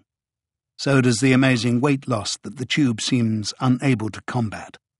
I've now lost almost a third of my body mass since the cancer was diagnosed. It may not kill me, but the atrophy of muscle makes it harder to take even the simple exercises without which I'll become more enfeebled still. I am typing this, having just had an injection to try to reduce the pain in my arms, hands, and fingers. The chief side effect of this pain is numbness in the extremities, filling me with the not irrational fear that I shall lose the ability to write. Without that ability, I feel sure in advance my will to live would be hugely attenuated. I often grandly say that writing is not just my living and my livelihood, but my very life. And it's true. Almost like the threatened loss of my voice, which is currently being alleviated by some temporary injections into my vocal folds, I feel my personality and identity dissolving as I contemplate dead hands and the loss of the transmission belts that connect me to writing and thinking. These are progressive weaknesses that in a more normal life might have taken decades to catch up with me. But as with the normal life, one finds that every passing day represents more and more relentlessly subtracted from less and less. In other words, the process both etiolates you and moves you nearer toward death. How could it be otherwise? Just as I was beginning to reflect along these lines, I came across an article on the treatment of post traumatic stress disorder. We now know from dearly bought experience much more about this malady than we used to. Apparently, one of the symptoms by which it's made known is that a tough veteran will say, seeking to make light of his experience, that what didn't kill me made me stronger. This is one of the manifestations that denial takes. I'm attracted to the German etymology of the word stark, and its relative used by Nietzsche, starker, which means stronger. In Yiddish, to call someone a shtarker is to credit him with being a militant, a tough guy, a hard worker. So far, I've decided to take whatever my disease can throw at me and to stay combative, even while taking the measure of my inevitable decline. I repeat, this is no more than what a healthy person has to do in slower motion. It is our common fate. In either case, though, one can dispense with facile maxims that don't live up to their apparent billing. I may have made one exception to my emerging rule that Nietzsche was to be distrusted, or to my pretense to myself that I had resources that I may not have truly possessed. A good deal of cancer life has to do with the blood, of which cancer is indeed the particular malady. A sufferer will find himself giving quite a quantity of the fluid, either to facilitate the opening of a catheter or to help test the levels of blood sugar and other material. For years, I found it absurdly easy to undergo routine blood tests. I would walk in, sit down, endure a brief squeeze from a tourniquet until a usable vein became available or accessible, and then a single small stab would allow the filling of the relevant little tubes and syringes. Over time, however, this ceased to be one of the pleasurable highlights of the medicalized day. The phlebotomist would sit down, take my hand or wrist in his or her hand, and sigh. The welts of reddish and purple could already be seen, giving the arm a definite junky look. The veins themselves lay sunken in their beds, either hollow or crushed. Very occasionally they would cooperate with a junkie based strategy that consisted of slowly smacking them with taut fingertips, but this seldom yielded a robust result. Large swellings would occur, usually just near the elbow or wrist joint, or anywhere they would do the least good. In addition, one had to stop pretending that the business was effectively painless. No more the jaunty talk of one little pinch. It doesn't actually hurt that much to have a probing needle inserted for a second time.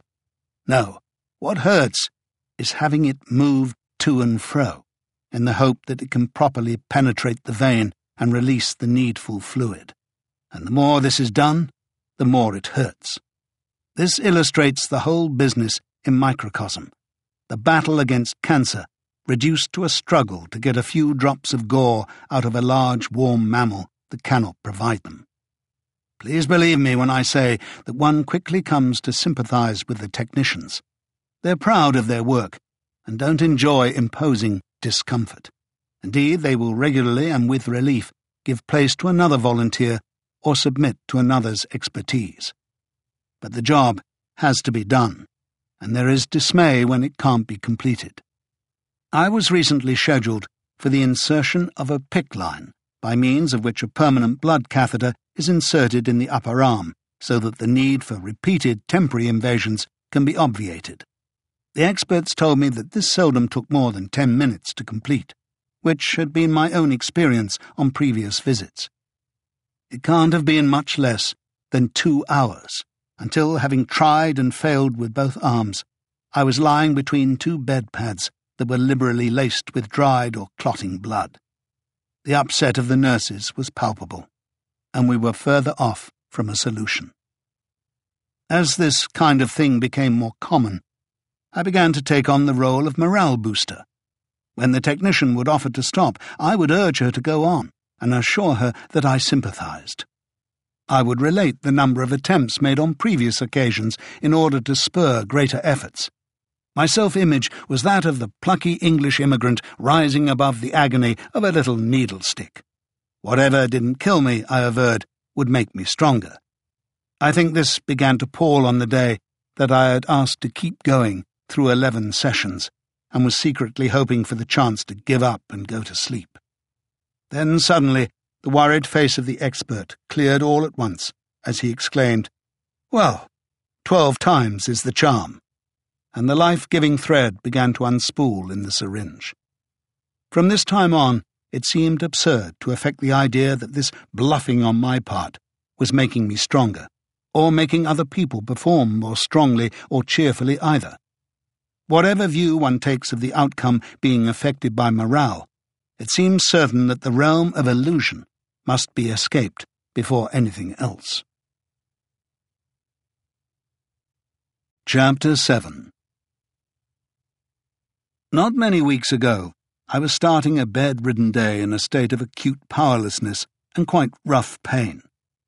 As I lay unable to move but braced from past experience, I heard a soothing and capable voice saying, Now, you might feel just a little prick. Be assured, male patients have exhausted all the possibilities of this feeble joke within the first few days of hearing it. And almost at once, I felt reassured in a different way, because that voice and that expression and that little pang meant that the pain would lift and my limbs straighten and my day begin. And so it proved. What if, though, as I once semi consciously thought as I lay in similar distress, that friendly voice had had just the faintest hint of a taunt in it? What if it had been saying, in the merest possible way, This won't hurt much? The whole balance of power would have been violently subverted, leaving me defenceless and petrified. I would also instantly have to wonder how long I could coexist with such a threat. The torturer's intricate work would have begun. I stress intricate, because torture isn't really a matter of sheer brute pain and force. As I found out when I was actually a torture victim, it is above all a matter of subtle calibration. How are we doing today? Any discomfort? This is made additionally problematic by the tendency of modern medicine to fall back on the use of euphemistic words in any case, the polite evasion of the weak discomfort being one of the most salient of these. Another avenue of euphemism is laid out by the planned and coordinated approach. Thus, one might hear the question, Have you met with our pain management team yet? Once you've heard it the wrong way, this can seem like an echo of the torturer's practice of showing to the victim the instruments that will be used upon him, or describing the range of techniques and letting these threats do the main part of the job. Galileo Galilei was allegedly exposed to this while undergoing the graduated pressure that eventually squeezed him to recant. I became a torture victim because I wanted the readers of Vanity Fair to have an idea of what was involved in the sordid and obscure controversy about waterboarding, and the only way left or left untried was to offer myself to this procedure. Obviously, there were limits to the authenticity of its infliction, and I had to be in some sense in control of the setting. But I was determined, as far as possible, to discover what a waterboarded person really undergoes. With the help of some very serious former Special Forces personnel, who knew that they were breaking American law on American soil, I arranged an appointment in the hills of North Carolina. Before we could even begin, I had signed a legal document indemnifying them in case they killed me by the infliction of physical or psychological trauma. A stronger word there. What happens, you may have been told, is a simulation of the sensation of drowning. Wrong. What happens is that you are, slowly but inexorably, drowned, and if at any point you manage to evade the deadly drip of water, your torturer will know. He or she will then make a minute but effective adjustment. When I interviewed my torturers later, I was particularly interested in this aspect of matters. Oh, yes, they said, with mild bragging, we have lots of little moves and shakes and twists that will get the job done and not leave a mark. Again, you note this pride in technique and its almost humanist tone of professional expression. The language of torturers. The reason I have decided to write about this in the present context is as follows. Ever since I composed and published the original essay, which was some time before I was diagnosed with esophageal cancer, I've been suffering from some form of post torture stress that probably has yet to be classified or named.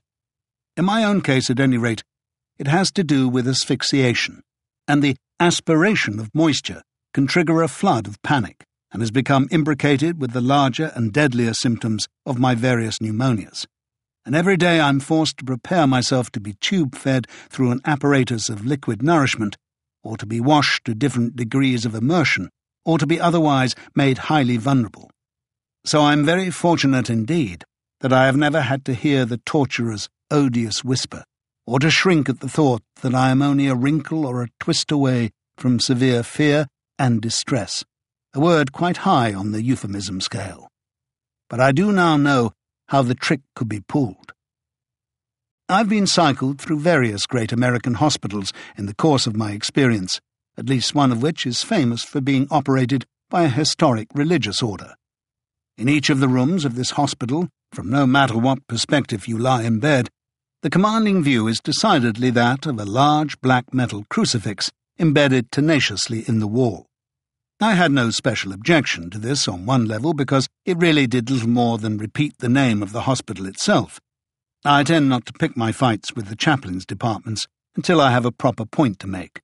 In Texas, for instance, in a purpose built brand new facility that took the towers to the level of more than two dozen, I got them to agree in principle that it was slightly idiotic not to boast of a thirteenth floor, but instead to skip from twelve to fourteen.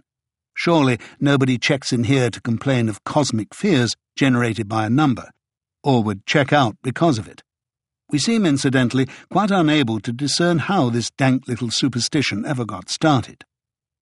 However, I also happen to know that it was a practice during the wars of religion and the campaigns of the Inquisition to subject the condemned to a compulsory view of the cross until they had died. In some of the fervent paintings of the grand auto da fe, or acts of faith, not, I think, excluding some of the burnings alive captured by Goya on the Plaza Mayor, we see the flame and the smoke arising from the vicinity of the victim, and then the cross itself held grimly aloft before his closing eyes. I have to say that even if this is now done only in a more palliative fashion, it makes me feel disapproving on the grounds of its earlier sadomasochistic associations. There are banal quotidian hospital and medical practices that remind people of state sponsored torture. In my own case, there are also practices that I can't separate from the hell of earlier ones. Even the thought of some misapplications of water or gas, such as a moisturized or nebulized breathing treatment kit, can be more than enough to make me feel critically ill. When I was first thinking of a possible title for this book, I considered annexing the line Obscene as Cancer from Wilfred Owen's terrifying poem about death on the Western Front, Dulce et decorum est. The action describes the reaction of a group of exhausted British stragglers caught in the open during a gas attack, for which they are ill prepared. Gas! Gas! Quick, boys! An ecstasy of fumbling, fitting the clumsy helmets just in time. But someone still was yelling out and stumbling, and floundering like a man in fire or lime. dim through the misty panes and thick green light, as under a green sea, I saw him drowning. In all my dreams, before my helpless sight, he plunges at me, guttering, choking, drowning. If in some smothering dreams you too could pace behind the wagon that we flung him in and watch the white eyes writhing in his face, his hanging face like a devil's sick of sin, if you could hear at every jolt the blood come gargling from the froth corrupted lungs, obscene as cancer, bitter as the cud, of vile incurable sores on innocent tongues. My friend, you would not tell with such high zest to children ardent for some desperate glory the old lie, dulce et decorum est, pro patria mori. When I, too, am sometimes forced into premature awareness by a smothering or choked nightmare sensation. I realize how essential it is that the frontiers of medicine be so tightly and punctiliously patrolled. I appreciate that within the profession itself there be not the least concession to any relaxation of that standard. The operators of that famous hospital should be ashamed of the historic role played by their order in the appalling legalization and application of torture. And I have the same right, if not duty, to be equally ashamed of the official policy of torture adopted by a government whose citizenship papers I had only recently taken out. Chapter 8 Publisher's Note. These fragmentary jottings were left unfinished at the time of the author's death. Remember, you too are mortal hit me at the top of my form, and just as things were beginning to plateau. My two assets, my pen and my voice, and it had to be the esophagus. All along, while burning the candle at both ends, I'd been straying into the arena of the unwell, and now a vulgar little tumour was evident. This alien can't want anything. If it kills me, it dies, but it seems very single minded and set in its purpose. No real irony here, though. Must take absolute care not to be self pitying or self centered. Always prided myself on my reasoning faculty and my stoic materialism. I don't have a body, I am a body. Yet consciously and regularly acted as if this was not true, or as if an exception would be made in my case. Feeling husky and tired on tour? See the doctor when it's over. Lost fourteen pounds without trying. Thin at last, but don't feel lighter because walking to the fridge is like a forced march. Then again, the vicious psoriasis slash eczema pustules that no doctor could treat have gone too. This must be some impressive toxin I'm taking, and a mercy for sleep purposes. But all the sleep aids and blissful doses seem somehow a waste of life. There's plenty of future time in which to be unconscious. The nice men with the oxygen and the gurney and the ambulance very gently deporting me across the frontier of the well, in another country. The alien was burrowing into me even as I wrote the jaunty words about my own prematurely announced death. Now so many tributes that it also seems that rumours of my life have also been greatly exaggerated. Live to see most of what's going to be written about me. This too is exhilarating, but hits diminishing returns when I realize how soon it too will be background. Julian Barnes on John Diamond. A Bout de Souffle, Seberg slash Belmondo. Funny how one uses breathless or out of breath so casually. At Logan Airport, can't breathe. Next stop, terminal. Tragedy. Wrong word. Hegel versus the Greeks. Morning of biopsy. Wake and say whatever happens, this is the last day of my old life. No pretense of youth or youthfulness any more. From now on, an arduous awareness. New Yorker cartoon on obit pages. Used to notice death dates of Orwell, Wilde, etc. Now maybe as long as Evelyn Waugh. Amazing how heart and lungs and liver have held up. Would have been healthier if I'd been more sickly. Prayer. Interesting contradictions at the expense of those who offer it. Too easy a Pascalian escape hatch, with me on the right side of the wager this time. What God could ignore such supplications?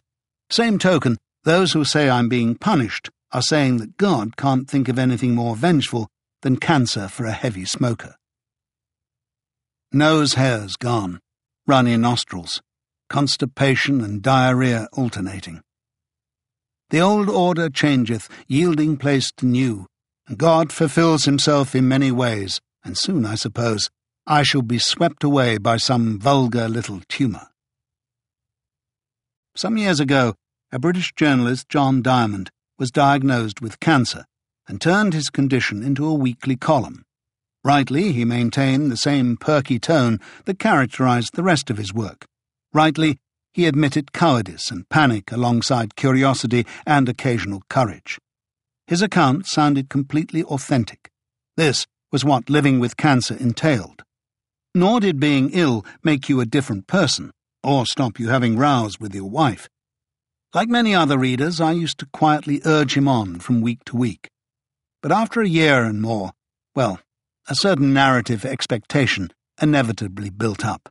Hey, miracle cure! Hey, I was just having you on.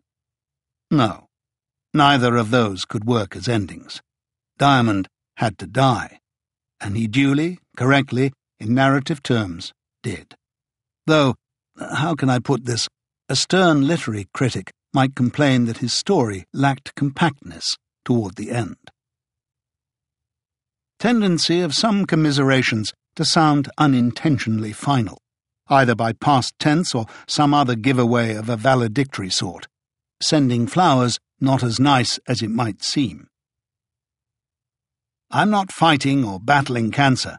It's fighting me. Brave? Save it for a fight you can't run away from. Saul Bellow.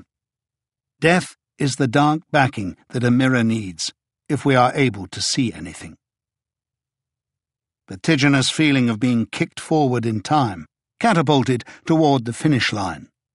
Trying not to think with my tumour, which would not be thinking at all. People try to make it sound as if it were an episode in one's life. Oncology slash ontology. Under the old religious dispensation, heaven would simply sentence you to be lavishly tortured and then executed. Montaigne, Religion's surest foundation is the contempt for life. Fear leads to superstition. The big C, though, seems mercifully to have been dumped, and I'm glad nobody wants to slaughter any endangered species on my behalf. Only okay if I say something objective and stoical. Ian remarking that a time might come when I'd have to let go. Carol asking about Rebecca's wedding, are you afraid you won't see England again? Also, ordinary expressions like expiration date, will I outlive my Amex, my driver's license. People say, I'm in town on Friday, will you be around? What a question. Cold feet. So far, only at night. Peripheral neuropathy is another of those words like necrotic that describe death in life of the system and you lose weight. But cancer isn't interested in eating your flab. It wants your muscle. The Tumor Town diet ain't much help. Worst of all is chemo brain, dull, stuporous. What if the protracted, lavish torture is only the prelude to a gruesome execution? Body turns from reliable friend to more neutral to treacherous foe. Proust?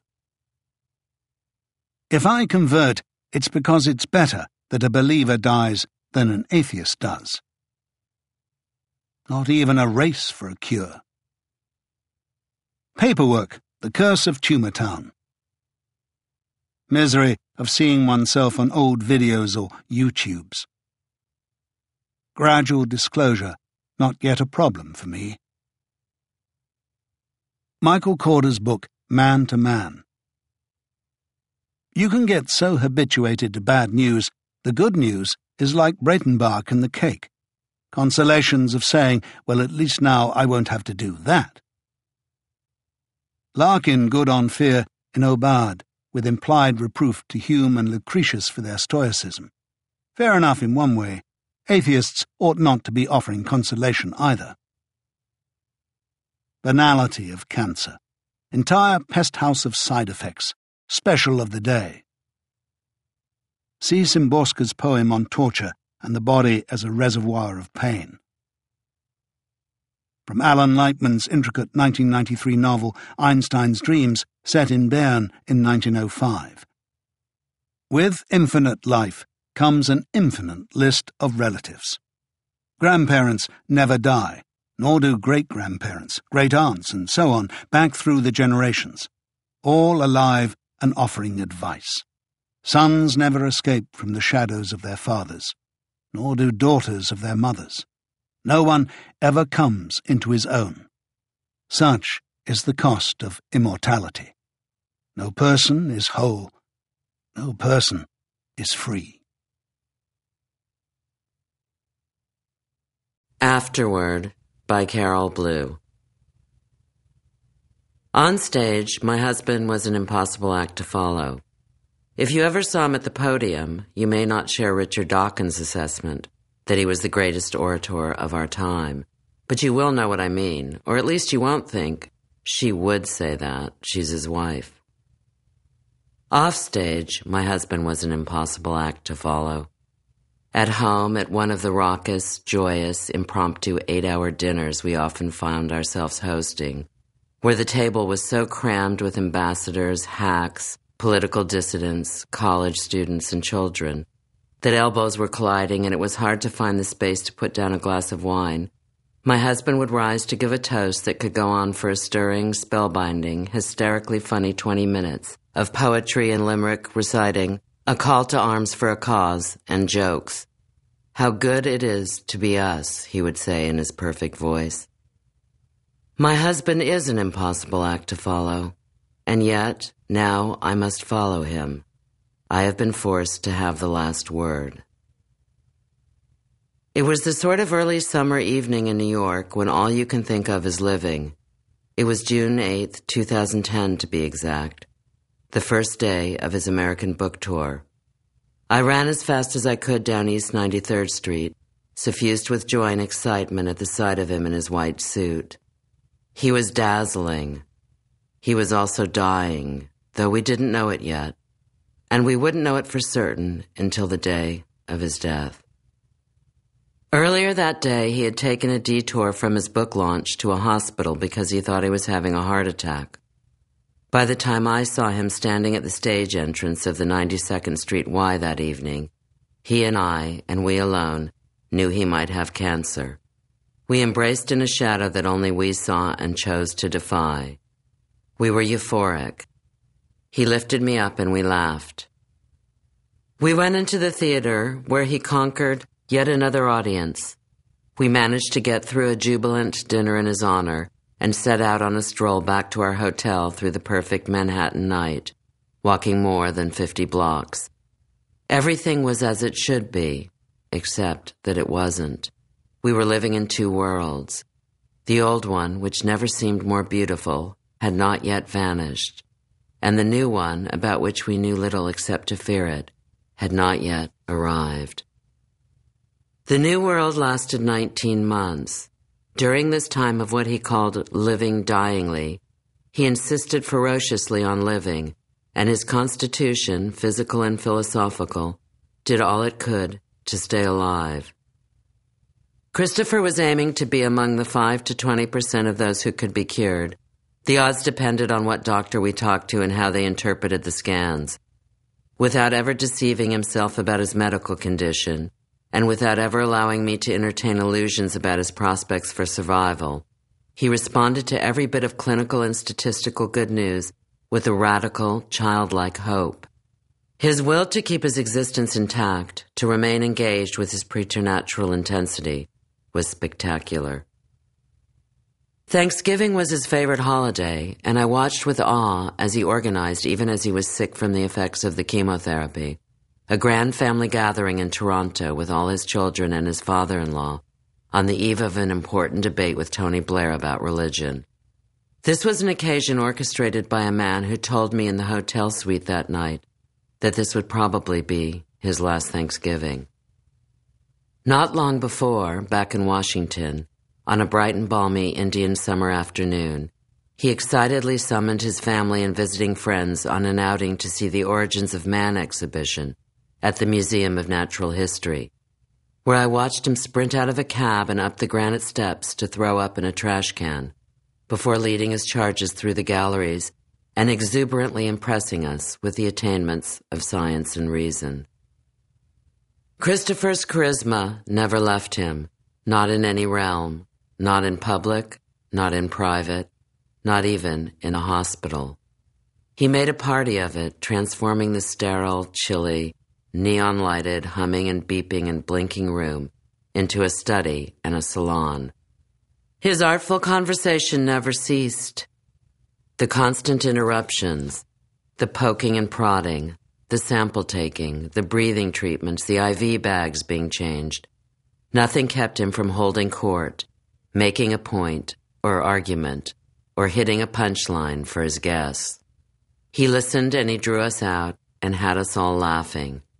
He was always asking for and commenting on another newspaper, another magazine, another novel, another review copy. We stood around his bed and reclined on plastic upholstered chairs as he made us into participants in his Socratic discourses. One night, he was coughing up blood and was wheeled into the ICU for a hastily scheduled bronchoscopy. I alternated between watching over him and sleeping in a convertible chair. We lay side by side in our single beds. At one point, we both woke up and started burbling like children at a sleepover party. At the time, this was the best it was going to get. When he came to following the bronchoscopy, after the doctor told him the trouble in his windpipe was not cancer, but rather pneumonia, he was still intubated, but avidly scribbling notes and questions about every conceivable subject. I saved the pages of paper on which he wrote his side of the conversation. There are sweet nothings in a picture he drew on the top of the first page, and then, pneumonia? What type? Am I cancer free? Pain is hard to remember. Right now, four to five. He asked about the children and my father. How's Edwin? Tell him I asked. I worry about him. Cause I love him. I want to hear him. Slightly down the page, he wrote what he wanted me to bring him from our guest house in Houston. Nietzsche, Mencken, and Chesterton books, plus all random bits of paper. Maybe in one hold-all bag. Look in the drawers, bedside, etc., up and downstairs.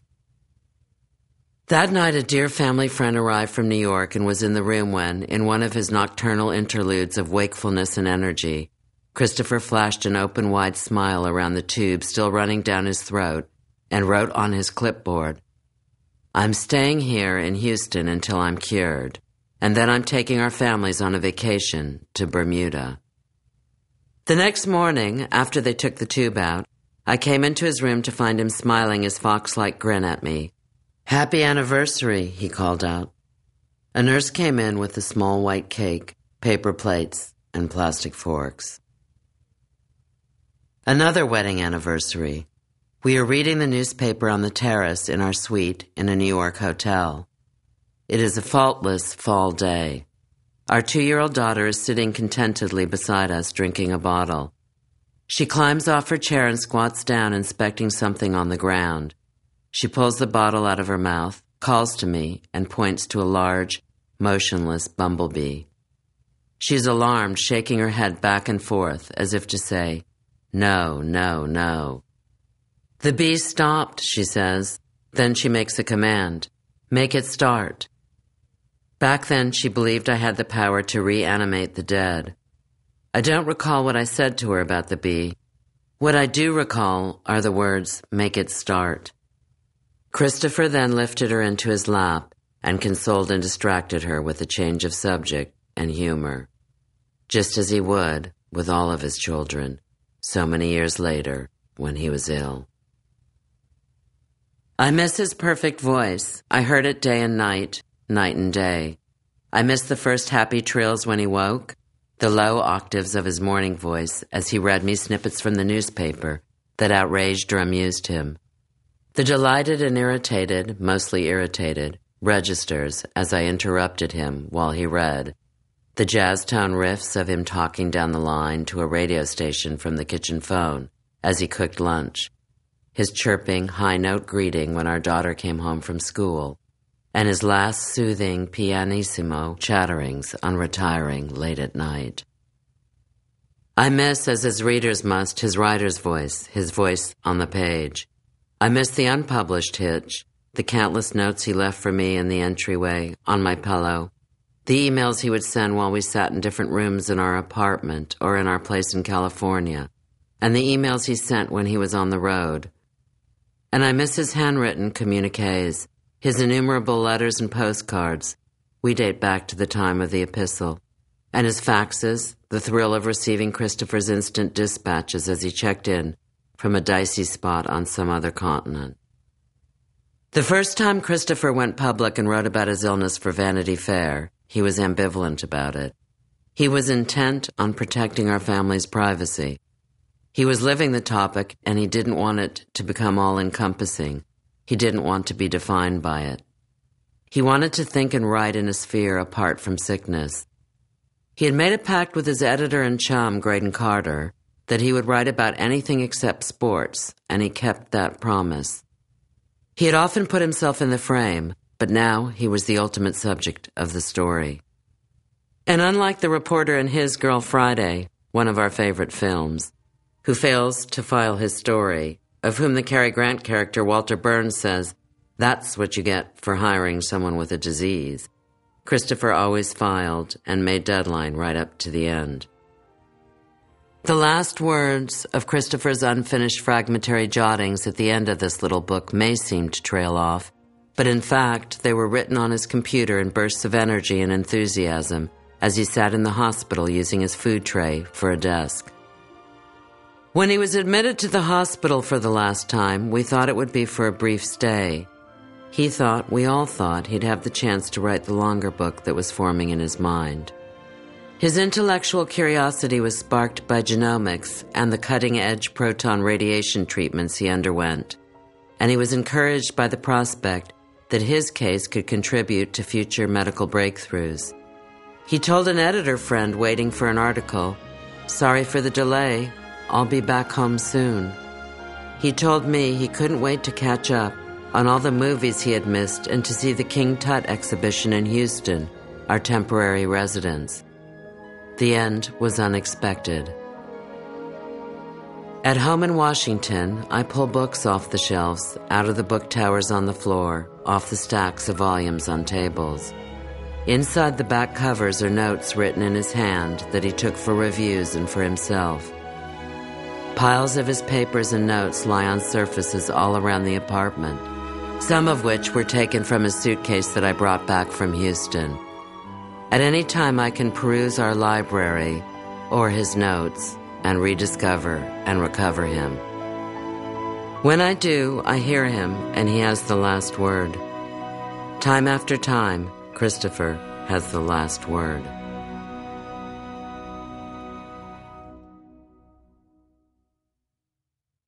About the author Christopher Hitchens was born April the 13th, 1949, in England, and graduated from Balliol College at Oxford University. The father of three children, he was the author of more than 20 books and pamphlets, including collections of essays, criticism, and reportage. His book, God is Not Great How Religion Poisons Everything, was a finalist for the 2007 National Book Award and an international bestseller. His best-selling memoir, Hitch 22, was a finalist for the 2010 National Book Critics Circle Award for autobiography. His 2011 best-selling omnibus of selected essays, arguably, was named by the New York Times as one of the 10 best books of the year. A visiting professor of liberal studies at the New School in New York City, he was also the I.F. Stone Professor at the Graduate School of Journalism at the University of California, Berkeley. He was a columnist, literary critic, and contributing editor at Vanity Fair, The Atlantic, Slate, The Times Literary Supplement, The Nation, The New Statesman, World Affairs, and Free Inquiry, among other publications. He died in Houston on December the 15th, 2011.